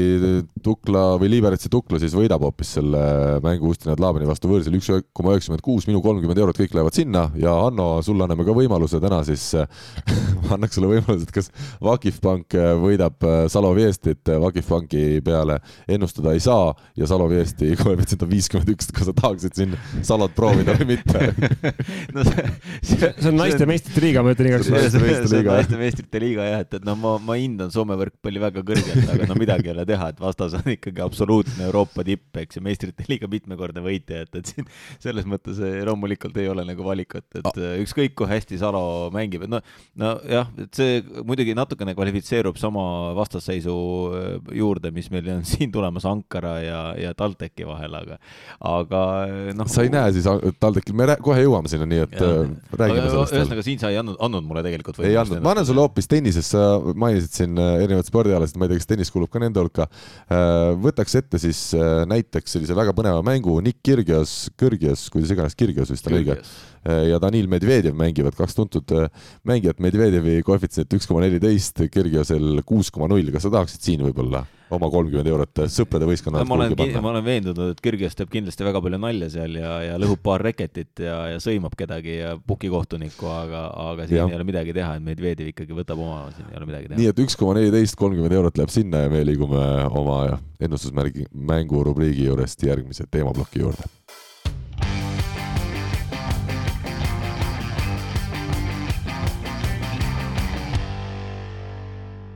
Hanno, nagu siin äh, saate sissejuhatavas osas sai räägitud, sa oled olnud umbes kümmekond aastat Eesti Võrkpalliliidu äh, presidendi rollis.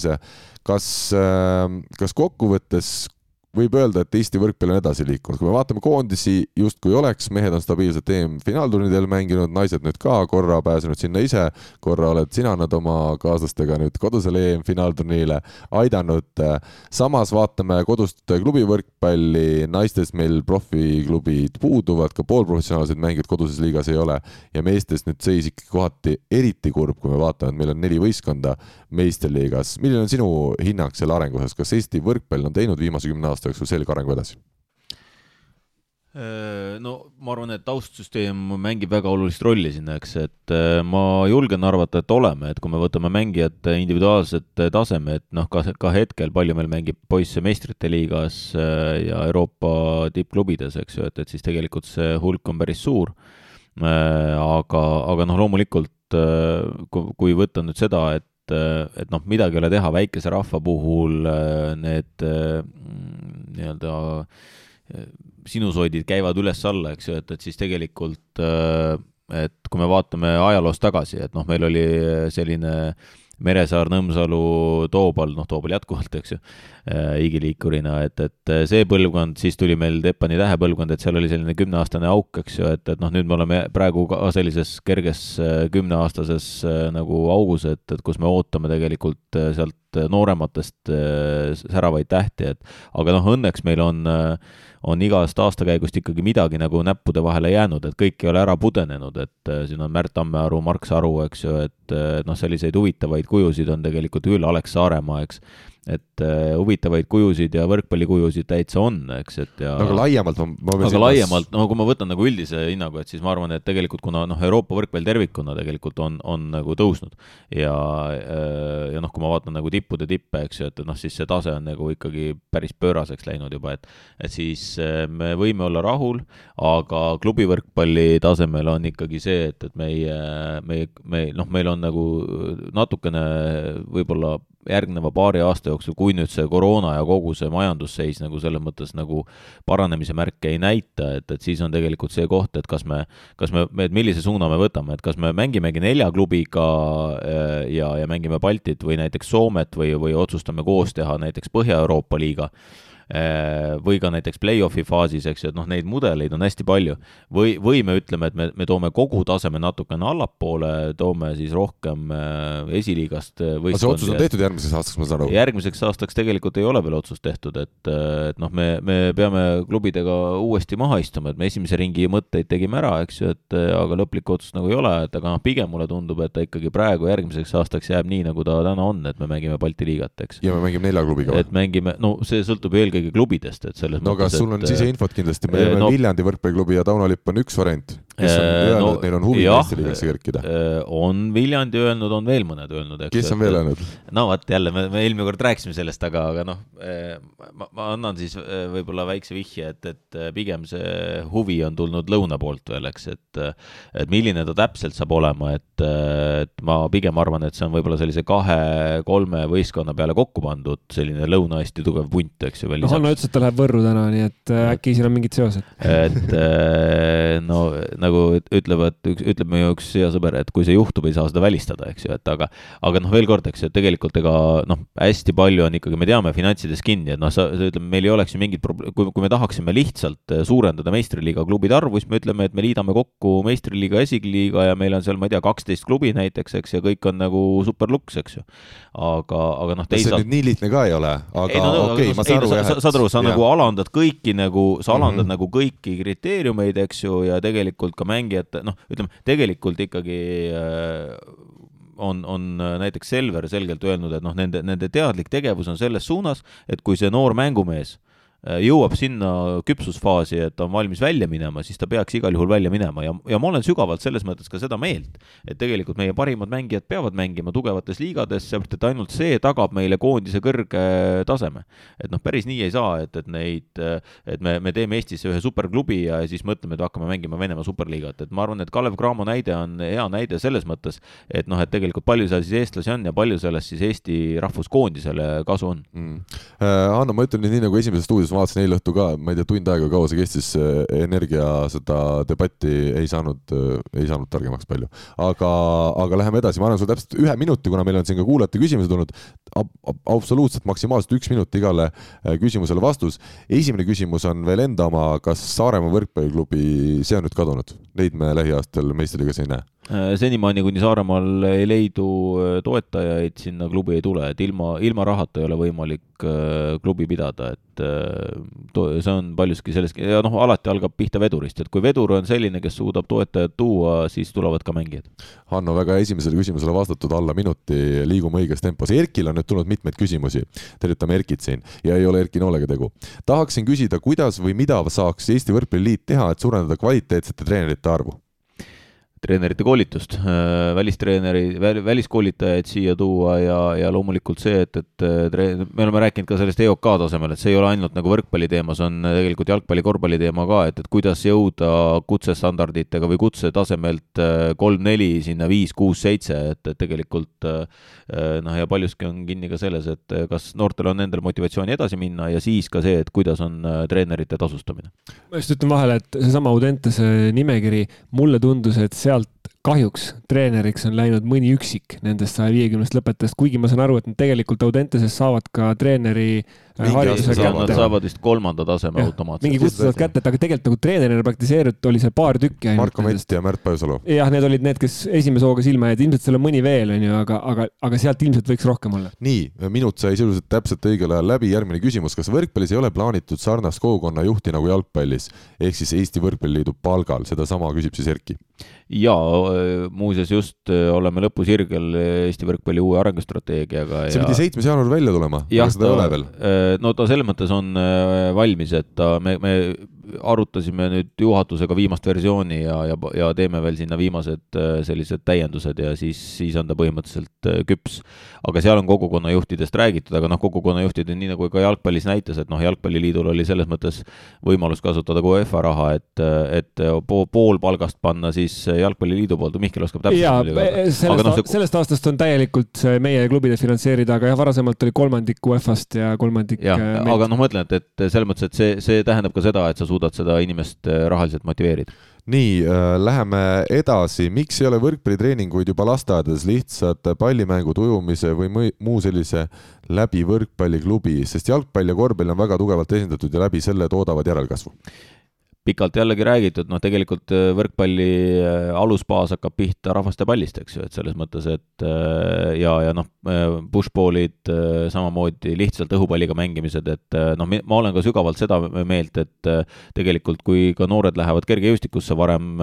olgu, et võrkpall on tehniline ala selles mõttes, et, et see noh, jalgpall on selles mõttes kõige lihtsam. pane kaks kotti väravaks ja võta pall ja hakka, hakka toksima, eks ju, et, et igaüks saab sellega kenasti hakkama. võrkpall eeldab seda, et, et oleksid ka head pallid, et nendel väikestel lastel ei oleks käed punased kohe ja noh, natukene rohkem tegelemist on sellega vaja, aga, aga noh, ma pigem ütlen, et, et küll, küll kui me vaatame täna ka noorte harrastajate arvu, kõik või päris palju lapsi on leidnud tee võrkpalli juurde. nii, ja siis Erki viimane küsimus, mida arvate KTM reeglist, siis klubis treenitud mängijate reeglist võrkpallis, kas tuleks kõne alla ühe Äh, alla kakskümmend üks äh, siis kodu, KTM mängija kogu aeg platsil hoidmine, ehk siis üks vanuses alla kakskümmend üks eluaastat ma ei ole suur fänn äh, kohustuslikel reeglitel, et selles mõttes, et ma ei ole kindel, et see midagi väga palju juurde annab, et Eesti on nii väike, et kui me vaatame seda tõesti, et täna noh, naiste poolel rohkem hetkel klubisid, aga meeste poolel neli, eks ju, et, et noh, nüüd seal et sa hakkad sunniviisiliselt kedagi kinni hoidma, et võib-olla vennad Tammearud on hea näide selles, et, et olid, olid äh, Pärnus ja, ja siis äh, ikkagi äh, liikusid Tartusse, nii et äh, noh, ma ei ole suur fänn äh, erinevatel kohustuslikel elementidel. nii, Martinilt nüüd küsimus. lugupeetud Hanno, vaata vähemalt inimene alustab väga sedasi hästi. kuidas hindad Grade kakskümmend neli liiga juhi Karol Paasi, alaliidu turundusspetsialisti Toomas Vara tööd Eesti Võrkpalliliidus? Paas on küll liiga juht, ent avalikkuses esinemisest vist sisuliselt keeldub ja Varat näeme iganädalaselt avalikkuses propageerimas jalgpalli. kas sooviksid, et nimetatud inimesed oleksid rohkem pildis ka võrkpalliga? Äh, teevad taustatööd rohkem kui avalikku tööd jah, selles mõttes, et äh, eks. on see probleem või? Minu jaoks on sisu alati olulisem kui vorm, eks ju, et äh, ega siis meil kõigil näed, mingil segasel põhjusel Mihkel Uiboleht on praegu, räägib rohkem võrkpallist, eks ju, kui ma võin öelda, et Mihkel Uiboleht erinevalt siin äh, siis konkureerivast äh, inimesest ühtegi senti selle tänase saate tegemise eest ei saa. ei, no nõus, aga ma mõtlen seda, et noh, et, et noh, me, meil on sisupooled on olulisemad ja, ja noh, Toomas ei ole ka sada protsenti Võrkpalliliidu palgal, et ta teebki projektitööd. tahtsingi küsida, Hanno, et palju teil on Võrkpalliliidus selliseid inimesi, kes on sada protsenti liidu palgal ja palju on selliseid, kes noh, on osakoormusega? no jämedalt öeldes, noh, kui me siin üles loeme, ega kõik, see ei ole mingi saladus, eks ju, et noh, et eh, Helen on peasekretär, eks ju, Robin ja Ro, Robin Ristmäe, Mihkel äh, Sagar on, on siis mehed-naised, eh, tegelikult Mihklil ka liiga kalendrid ja kõik see pool, eks et siis kui me võtame naiste poole ja rahva, rahvaliigade poole, et siis on Laura ja ja, ja Gert äh,, issand jumal küll, hommik on varane et, et Kadi või? Äh, Kadi, Laura ja Kadi, eks ju, äh, siis on noorte peal on Rando Soome ja, ja siis meie ajalugu, paberimajanduse hoidja Ülle Kama ja, ja noh,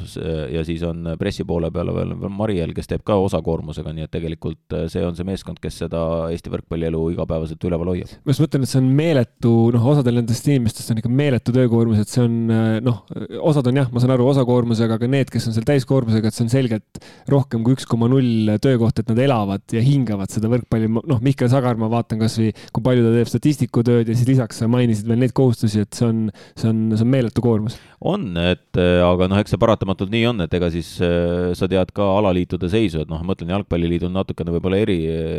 erilisem seis, aga noh, teised alaliidud ei, keegi ei suple rahas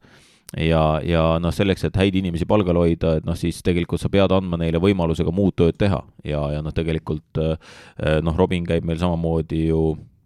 eh, delegaadina eh, Euroopa mängudel, eks ju, et ja noh, Mihkel tõesti erinevate klubide juures ja, ja liiga, et, et noh, sa no midagi ei ole teha, et, et selleks, et inimestel leib laual oleks, et tegelikult see multitasking on, on paratamatu head sõbrad, me oleme jõudnud oma miljoni mängust tänase viimase küsimuseni, väärt äh, miljon eurot ja kasutamata veel kõik kolm õlekõrt. Hanno, miks on Eesti, küsib siis äh, Tarmo, aga ei ole tegu Kajandiga, kui nüüd keegi seda kahtlustab. Tarmo küsib, ei, ei ole ka Keskküla. miks on Eesti meediakanalites vaid üks tõsine spordiajakirjanik, sulgudes Märt Roosna, kes igapäevaselt võrkpalli kajastab, samal ajal kui Kossuvendi ja jalkavendi on meedia täis ja seetõttu nende ala kajastatavus on ka teisel tasemel lugude arvu poolest ai, ma arvan, et nüüd väga paljud ajakirjanikud äh, tundsid ennast äh, solvatuna või, või vähemalt, et liiga tehtuna, et kes, minu arust, ega ma olen nõus, ega kui ma vaatan naiste karikafinaali, minu arust oli ka ju suurest meediast Märt oli vist ainus kohal jah ja,, ma vaatasin. No ja pigem on see ja nagu... Johannes Vedru ka muidugi. jaa, Vedru küll, jah. ma pigem arvan, et see on küsimus toimetustele, et ega spordiajakirjanikud teatavasti on multifunktsionaalid ja, ja ka siis Märdi taust on ju ka minu mäletamist mööda kergejõustiklane, nii et selles mõttes, et et see, see multitasking spordiajakirjanduses on paratamatu ja pigem on nagu see küsimus, et noh, et kui, kui ma Märdiga pärast mängu kokku põrkasin ja ta ütles, et noh, et toimetus ei pidanud vajalikuks et või Pahv ei pidanud vajalikuks nagu mitte spordiennustus Pahv, vaid Peep Pahv. siis Peep Pahv ei pidanud üldse vajalikuks äh, naiste karikafinaali nagu kajastada, eks ju, et noh, miks sa sinna umbes lähed. et noh, siis äh, minu küsimus on tegelikult toimetuse, sporditoimetuse juhtidele, et, et kuidas te, kuidas te siis Eesti sporti nagu kajastate ja mis on nagu need fookused, eks ju. aga meie ei no... muuda seda sporditoimetust, mina küsin, kas alaliidul on mingid teatud sammud, mina olen ka mingil hetkel välja pakkunud, tehke me... ajakirjanikele, Eesti spordiajakirjanikele kord kuus kas või mingi trenn, kus erinevad Eesti võrkpallurid käivad trenne andmas endale spordiajakirjanikele, tekiks niisugune vahetu kontakt, mingi traditsioon ja ma olen sada protsenti kindel, et uh, usu mind, Hanno, siis hakkaksid ka need ajakirjanikud rohkem kirjutama võrkpallist no,. sarnaseid asju samas... on tehtud teistel aladel ja on toiminud. no aga vaatame, meil on Juhkami, kes kirjutab võrkpallist päris palju, on ju nii. et sa oled rahul olukorraga, ei see, see võib ka sinu vastus, et Eesti võrkpall on suurepäraselt pildis. ma arvan, et selles mõttes, et noh, tegelikult vaata, see on nüüd see koht, on ju, et, et loomulikult me taustatööd äh, saame natukene teha, et ega siis ka sina teed siin igapäevaselt seda tööd, eks ju, et ja, ja populariseerid võrkpalli, eks ju, et ma ei ütle, noh, ma arvan, et sa ikkagi täna täidad ka ajakirjaniku kohust, eks ju. selles mõttes. nagu ütleb võrkpalliajakirjanikus aga... on iseenesestmõistetav. no aga kui ma võtan, et noh, et toimetustes veel, eks ju, et noh, tegelikult ju noh, kui me vaatame ka ERR-i sisse, eks ju, et noh, et Aet Süvari on natukene rohkem jalgpalli poole peal, eks ju, tegelikult siis noh, naiste poole või vabandust, eks, noh, siin ei taha öelda naised-mehed, aga Eestis eh, Rahvusringhäälingu sporditoimetuses eh, tegelikult eh, noh, me näeme, et, et ka seal on noh, väga lihtne seos sellel, kas toimetus võtab selle nii-öelda oma asjaks. Rahvusringhäälingul on täna laskesuusatamine selgelt oma asi ja seda nagu diiserid teevad, eks ju et äh, siis, kui me vaatame nagu Anu Sääritsat, tema on väga nagu võrkpalliga sees, eks ju, et tal on ka iluuisutamine, tal on ka ilu ja äh, iluvõimlemine, eks ju, et, et noh, nad on ka nagu natukene ära jaganud. et noh, tegelikult igas toimetuses, kui me võtame suurt, kolm suurt meediamaja, eks ju, Rahvusringhääling, Postimees Grupp ja Ekspress Grupp, siis seal tegelikult igas grupis on sees ajakirjanik, kes on äh, rohkem võrkpallile keskendunud. rahvusringhäälingus on see olnud Anu Postimees grupis on ta olnud Juhkami, eks ju, ja, ja, ja Ekspress grupis on olnud äh, Roosna. aga see ei tähenda, et teised ei kirjuta. Et äh, ja noh, eks see on nagu tunnetusasi jälle, et noh, et, et, et ma arvan, et Kossu meestele võib-olla tundub, et, et kurja, et noh, et, et miks nüüd nagu nüüd nii palju võrkpallist kirjutatakse no.. ma just ütlengi, et see on alati selle ala sees oleva inimese puhul tundub, et oh, et meie alast võiks nagu rohkem kirjutada, et see on täiesti normaalne, et noh, ilmselt kui teha analüüs võrkpallist läbi selle, et kui palju on võrkpalliharrastajaid ja näiteks kui palju on klikke nii-öelda, sest see on üks asi, millega erameedia vähemalt opereerib, et ilmselt see,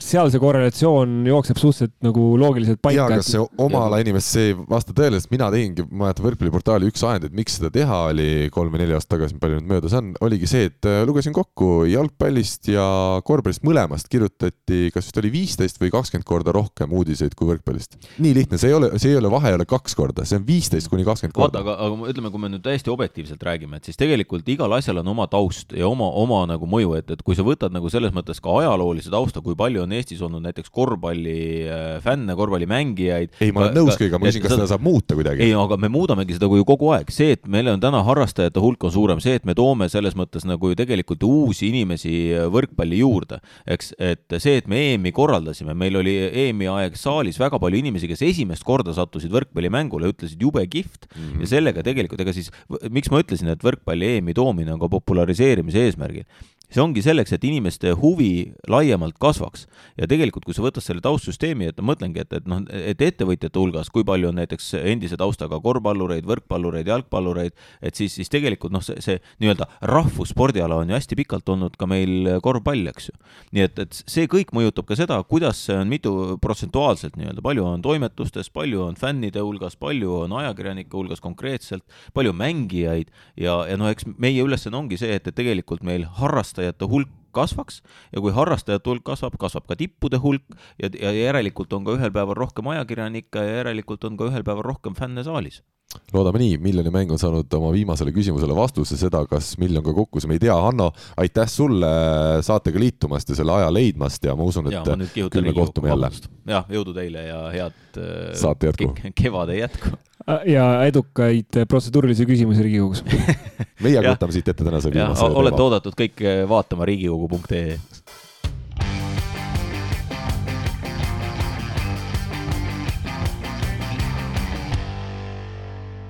saate viimast teemaplokki alustame aga rõõmusõnumitega, sest TalTechi meeskond pääses CEF Challenge Cupil üle noatera kaheksa parema hulka, saades kahe mängu kokkuvõttes eelmisel nädalal kuldse geimi võidu kaudu jagu Šveitsi meeskonnast Schönenwerdist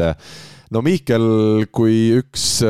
üks duell, üks vastasseis, üks paar saab olla huvitav ja närve sööv ja pingeline, siis võib vist öelda, et see TalTechi kaheksandikfinaal, mängud mõlemad ikkagi seda olid. see oli väga pingeline ja et ma mäletan, et mängu telekast vaadates, et üks äh, kommentaator nimega Karl Rinaldo ütles seal äh, otsustaval hetkel, kui äh, TalTech oli taga, ta arvas, et ilmselt see eetrisse ei lähe ütles juba ära, et kurat, siit enam vist välja ei tule. ja siis TalTech tuli välja, et selles mõttes oli nagu väga-väga-väga põnev mäng ja tõesti tundus juba vahepeal, et nagu mis, mis nüüd siis ja, ja noh, eriti selle eelmise eh, päeva, eelmise päeva mängu taustal ja siis mäletan ka siinsamas saates me rääkisime, õigemini sina rääkisid seda, et oi, et noh, siin täna õhtul, et pannakse ikka varu, mina ootan, et ikka kaks game'i kiirelt ära võetakse, varumehed mängu juba ja siis vaatasid, et see nagu. varumehed said mängu, muidugi nad said üheksa game'i lõpus, kus enam midagi mängus ei olnud. varumehed said mängu, aga see oli nagu, see oli tõeline Ameerika mäed ja nagu väga väga hea, elamusterohke vingemäng, aga et noh, tekkiski küsimus, et kuidas, kuidas see nüüd kõik eh, nii sai minna selles mõttes, et kuidas see, see, see vastane nagu üleöö niimoodi muutus. jah, ma saan aru, et seal tuli mäng ja kaks mängijat vist, eks ole. ja kohe, kohe jõuame selleni, jah. tuli juurde, aga, aga noh, ikkagi, et, et ei, ütleme sellise spordisõbrana oli see ikkagi väga-väga vinge oli seda vaadata ja, ja aitäh mõlemale võistkonnale nende emotsioonide eest. esimene mäng siis võideti kolm-üks, tundus tõesti, et jalutus kõik pargis teine mäng äh, kaks game'i vaja kätte saada ja läheme siis juba veerandfinaali Ankara Halkbankile vastu, aga teine mäng kaotame selle üks-kolm ja kuldses game'is tõesti olime siis veel üheksa-kaksteist taga, aga lõpuks võitsime viisteist-kolmteist kordusmängus üleplatsi mees Matei Schmidl kolmekümne ühe punktiga pluss kolmteist, Kevin Saar lisas neliteist punkti pluss viis ja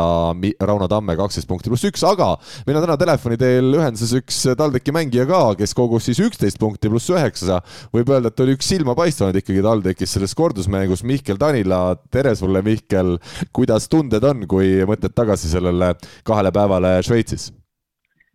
tere, tere. Äh, ma arvan, väga hea tunne on siiamaani. kõva pingelangus oli seal mängu lõpus, aga, aga väga hea meel, et edasi saime no üks küsimus, mis võrkpallisõpradena tekib kahtlemata, on ikkagi see, et Schönenberg esimeses mängus ei kasutanud oma üht põhilist nurgameest, Mirko Kersonit, kes siin veel Tokyo olümpial tegutses rannavõrkpallurina, sai seal seitsmeteistkümnenda koha ja ei olnud algkoosseisus ka Reto Kiigerit, Saaremaa võrkpalliklubis sidemängijana äh, tegutsenud meest. mõlemad siis, nii Kerson kui ka Kiiger lülitati teiseks mänguks algkoosseisu ja meeskond oli täiesti teist nägu. kas teie saite sellele küsimusele vastuse, et miks neid esimeses mängus siis algkoosseisus polnud? Äh, see nurgaründaja, ta oli esimene päev oli üldse maskiga trennis, et ta vist oli natuke tõbine. et nii palju tean selle nurgaründaja kohta, aga Retost ma ei tea. et me Retoga rääkisime peale teist mängu, siis ta ütles, et ta ei saanud ka aru treeneri käigust, et miks ta pani üldse teise koosseisu. et siis kaks venda jäid välja yeah.. kui nad äh, vist hooaja sees kogu aeg mängisid selle ühe tuumikuga. ja siis nüüd meie vastu alustasid siis kahe täitsa nii-öelda varumehega. et eh, see oli tema enda jaoks oli ka üllatus ja no seda oli teises mängus näha, et kui Reto ja see nurgamees platsil olid, et oli hoopis teine sats. ja noh, see nurgavend, ma ei tea, kas see oli siis rannavend, et ja ma arvan, seal teises mängus kaitses tõi üksi sama palju palli lasta kui meil terve tiim kokku, et et noh, see, ma ei tea, kas ta luges nii hästi või tal lihtsalt joppas, aga no ikka igal pool oli käsi all, et see, ründajad läksid vahepeal päris närvi, et, et mismoodi, et ei löö ükskõik kuhu, aga pall maha ei jää kas teie häälestus oli ka kuidagi teistmoodi, et kui see esimene mäng tuli ikkagi suhteliselt kergelt, et kas seal oli, kas seal oli ainult see, et vastased muutsid oma, tõid nii-öelda oma, oma lisa, lisajõud mängu või, või oli seal ka teie poolt mingi, mingi roll selles? sest Gentovte vastu esimeses ringis oli samamoodi ju tegelikult, teise mängu vormistamisega väga suuri raskusi TalTechil ka seal. noh, samas jah, et meil oli see õppetund oli kohe, ma ei tea, kuu aega tagasi võtta, et et Eh, proovime küll ütelda endale ja kõigile, et, eh, et see teine mäng on raskem ja ei tohi mitte mingit grammi ka lõdvemaks lasta, aga noh, et kas see siis vaimselt automaatselt läheb või, või oligi raskem, et noh, ega ma ei usu, et keegi sinna läks mängule nii, et oh, ESA mäng jube lihtne ja niikuinii tuleb teine ka ära, et ei pea väga pingutama mm. -hmm. aga no eks see sihuke, sihuke noh, närvide mäng ole ka, et seal, kui kohe tulema ei hakka, et siis, siis kannatus katkeb ja hakkadki seal ise natuke lollust tegema, hakkad enda vastu mängima millest see tuleb, et te olete ikkagi nagu Alar Rikberg ütleb, äh, ka ütles pärast esimest mängu, et ikkagi seal juba soperdasite päris palju, talle seda sõna meeldib ilmselt kasutada ja ka teine mäng ju soperdamiste osas oli ka päris äh, suur, et sellist tundub, et mingil hetkel ei ole sellist voolavust võistkonna mängus. Aga meil on suht terve hooaeg olnud sihuke, et kui meil hakkab ära minema, et siis meil läheb järjest neli, viis, kuus punkti Jah. on need möönad. et me ei ole endal ise ka veel leidnud rohtu sellele, et noh, et kuidagi seda kahe punkti peal hoida, seda mööna, aga aga kui ta läheb, siis ta läheb ikka täitsa, täitsa käest ära ja kohati noh, mina tempona saan vahepeal seal platsi kõrval vaatamas käia, et mis seal platsi peal toimub, et siis kohati ikka on päris kole see pilt. kas teil, no, kas teil endaga mingi hetk nagu, noh. kas teil endaga mingi hetk kadus nagu see usk ära, nii nagu siin äh, reporter Rinaldol, et, et kurat, et siit enam välja ei tule äh,? mul see usk ära ei kadunud, et ma teadsin, et alati on see kuldne game, aga seal mingi mängu sees oli küll see, et noh, et siin läheb kuldse game'i peale. et see tunne oli küll, et me selle kahe game'i võiduga nüüd ja varud sisse, et sellist asja meil täna ei tule. niisugune asi oli küll, käis peast läbi, aga, aga noh, see kuldne game on nojah, kaksteist üheksa, siis, siis oli juba niisugune kannatamine, et et noh, seal ei ütle, mõtlesime, et mäng on läinud, aga, aga noh, ega seal lootust väga palju ei olnud jah ma saan omalt poolt öelda selle fraasi kohta, mis tõesti tundub, et võrkpallisõprade kõrvust mööda ei läinud, et ühel hetkel siis, kui me justkui pidime olema reklaamipausil, oli äkitselt telefon ja arvuti plahvatas, et tuli seal mitukümmend äh, sõnumit sisse, et Karl, et pane, pane mikrofon kinni, kui sa, kui sa midagi ütlema hakkad. aga tegelikult oli nii, et muidugi tehnilised viperused tekivad alati siis, sel hetkel, kui sa midagi ütled seal vahepeal. et meil oli öeldud puldist, et heli maas, me ei saa ise seal stuudios seda heli maha võtta. teises äh, ruumis on inimene, kes meile klapis ütleb heli maas ja siis me Taavi Nõmmestega ikka seal midagi äh, rääkisime kogu aeg ja siis tõesti, see oli vist neli-seitse kuldses game'is, kui te olite jäänud maha ja tundus, et just, et mitte isegi vastane ei olnud nagu mänginud teid üle, vaid te ise olite ennast mänginud sellisesse raskesse seisu ja siis tuli selline emotsioon, aga kokkuvõttes, kuna te tulite sealt äh, seisust välja, siis mul ei ole isegi väga-väga kurb meel, et see eetrisse läks, et äh, vähemalt midagi, mis võib-olla siis jäi veel meelde lisaks sellele mängule, aga Mihkel, sa ise tundsid ennast ikka väga hästi, sa eelmisel aastal mängisid nurgaründajana kuigi su põhikoht on olnud ju ikkagi tempos. see, see euromäng jälle nagu tõestas, et kuigi sa teed seda sporti ju täna töö kõrvalt, siis kolmteist punkti pluss üksteist. Eh, tunned ennast päris hästi või, rünnak üheksast kaheksa? mulle sellised mängud meeldivad jah, mulle meeldivad tähtsad mängud eelmistel aastatel TalTechil pole väga palju tähtsaid mänge olnud vist jah? jah, naljaga pooleks, et need liigamängud, kus, kus väga midagi mängus ei ole, et siis võib olla raske, aga aga jah, kuidagi sellistes mängudes suudad kokku võtta ennast keda sa esile ise tooksid TalTechi meeskonnast, me räägime siin suhteliselt nukratel toonidel justkui kõik oleks halvasti, aga kokkuvõttes meeskond on jõudnud veerandfinaali ja Eesti klubidel väga tihti sellist äh, võimalust ei ole olnud. Äh, keda sa ise siin tänavusel hooajal just positiivse poole pealt välja tooksid? ei, mul see Spiidel ikka on väga-väga hea mulje, et, et ta ikka teeb seda, noh, ropendama ei hakka siin, et seda saia teeb seal kõvasti, et et noh, suudab meid päris hästi hoida seal mängus, et kui rasked ajad on, et siis päris tihti võid anda rahulikult selle smiidile ja tead, et et ta midagi ikkagi suudab sealt välja võluda. et noh, ma arvan, terve hooaeg ongi tassinud meid mm. -hmm. kuigi seal mingites just euromängudes ka game'i lõppudes oli ka Schmidlil raske, aga see vist arusaadav, sest ka vastased juba teavad, et äh, tähtsatel hetkedel äh, noh, diagonaalründaja oli meil põhimõtteliselt ainus mees, kes suutis äh, hea protsendiga ka raskeid palle või noh, ütleme enam-vähem protsendiga ka raskeid palle maha lüüa, et ei tulnud nurgast võib-olla nii palju abi, abi ka, et, et, et Schmidlil läkski keeruliseks seal mingitel momentidel. ei no eks see on loogiline, et noh, kui ka vastane ka välja ei ole seal näeb ka, et kui ühest kohast ei tule, et noh, ja kes seal põhikoormust saab, et noh, sinna rohkem keskenduda, aga, aga kui nüüd Matei iga mäng suudaks kõik pallid ära lüüa, et siis ta Eestis ei mängiks mm. -hmm. et noh, et ta nüüd, ta on hea, aga noh, kõigil on ka mingid piirid ees, et noh, et igalühel tulevad neid vigu ka sisse ja halbu mängu samamoodi, aga aga Eesti kohta ma ütlen, et ta on väga hea diagonaal, jah täiesti nõus nüüd üks mees, kes teil võistkonnast on lahkunud pärast euromänge, on siis äh, Bo Graham. Äh, Uku Rummi võistkonna mänedžer ei tahtnud seda kommenteerida, et miks ta lahkus, aga no teades seda tausta, et Ivar Alt, Saaremaa ärimees ikkagi pidavat talle terve hooaja palka maksma ja TalTechil kulud pidavat olema nullis, siis ilmselt tundub vähemalt nii kaugelt vaadates, et ju siis Aldil jäid ka need summad lõpuks maksmata. kuivõrd valus see uudis oli, et, et Graham Kat-, Katari läheb ja, ja võistkonnas ei jätka? Eks see muidugi kaotus on meeskonnale suur, et ta noh, tasemel mängija ja lollusi ei tee, et hoiab seda keskmist taset ikka päris kõrgel. Mm.. aga noh, õnneks on ta temporündaja, et, et meil on, meil on neid on võtta ja ega ta niisugust väga suurt auku nagu kvaliteedile ei jäta, et et temporündaja üldjuhul mängu ei otsusta. Väga hea, seda ütleb meile mees, kes ise tegutseb samal positsioonil, jah. Aga. aga noh, ta leidis paremad, paremad tingimused endale.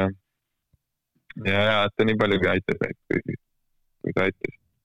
no läheme edasi nüüd ja räägime sellest, mis ees ootab. esiteks, mis päevast nüüd mehed peaksid koroonapausilt tagasi tulema, me teame, et koos nüüd võistkonnaga trenni ei olegi saanud teha pärast euromänge, kuna, kuna tuli, tuli siis positiivne, positiivne uudis selles suhtes, et koroonapositiivseid oli päris palju võistkonnas. no mul on pühapäevani, siin enamustel poolel tiimil on pühapäevani. siin vist kaks, kaks või kolm, kaks venda vist said nüüd mida nad said neljapäeval, vist said teisipäev või kolmapäev said endale positiivsed. esimene test on negatiivne, aga tagantjärgi tuli ikkagi positiivne, et natuke kauem, aga, aga suure tõenäosusega järgmine nädal on meil nii palju mehi peaks olema trennis, et, et saab trenni teha kuidas nüüd see kõlab, et Ankar Halkpank on tulemas vastu, üks ikkagi Türgi suurklubisid, äh, paljukordne Türgi meister ja hetkel siis täiseduga Türgi liigas jätkav võistkond. kas äh, tekitab hirmu või pigem on selline mõnus ärevus sees, et, et saab sellised mängud veel ka kätte tänavusest hooajast? ei, ma arvan, et see on pigem jah, mõnus ärevus ja et noh, ega meilt keegi ei oota sealt jälle mingit üllatust, et see on juba väga teises matšis, matšis klubi, et aga saaks selle ühe mängu Eestisse tuua ja ühe mängu seal teha, et siis ma arvan jälle, et meestele on väga hea kogemus ja, ja endal ka, ma arvan, lust jälle mängida siukseid mänge no sa pole ju välismaal veel mänginudki, Mihkel, võib-olla nüüd siis äh, head mängud türklaste vastu tuleb kohe Türgist, me teame ka Türgis kehvasti ei maksta, seal küll hooaja lõpuni reeglina ei maksta, aga, aga kehvasti ka ei maksta, et, äh, et see on nüüd üks võimalus. Neid on, neid on Teppanit saates vähe, kes sulle selle piduri peale tõmbaks. Et läheb lapesse juba. Väga hea, tundub, et sa oled meie saate püsikuulaja, seda on rõõm kuulda kuidas, kuidas teil nüüd äh, seisud on pärast sealt tagasi tulles, te olete, ma saan aru, kõik äh, isoleerunud äh, ja, ja, või siis, või siis põdemas, et ma loodan, et, et sinu tervis on vähemalt, vähemalt korras, aga teiste tervis äh,? tean, et Mateil oli natuke raskem. ta oli täitsa voodis ja ütles, et kopsud valutavad. aga midagi, teiste kohta ma nüüd midagi ei tea, et midagi hullust oleks olnud, aga kõigil on niisugune ühtne joon, et äh, jääb pinduma. et ei, ei taha ära minna ja ongi niisugune stabiilne kehva olekuga. nüüd vaatame, kui sealt välja tullakse ja trenni hakatakse tegema, et mis, et kuidas ta siis nagu mõjub. praegu ei tea. et loodame, et äh, nüüd väga nüüd segama ei hakka meid.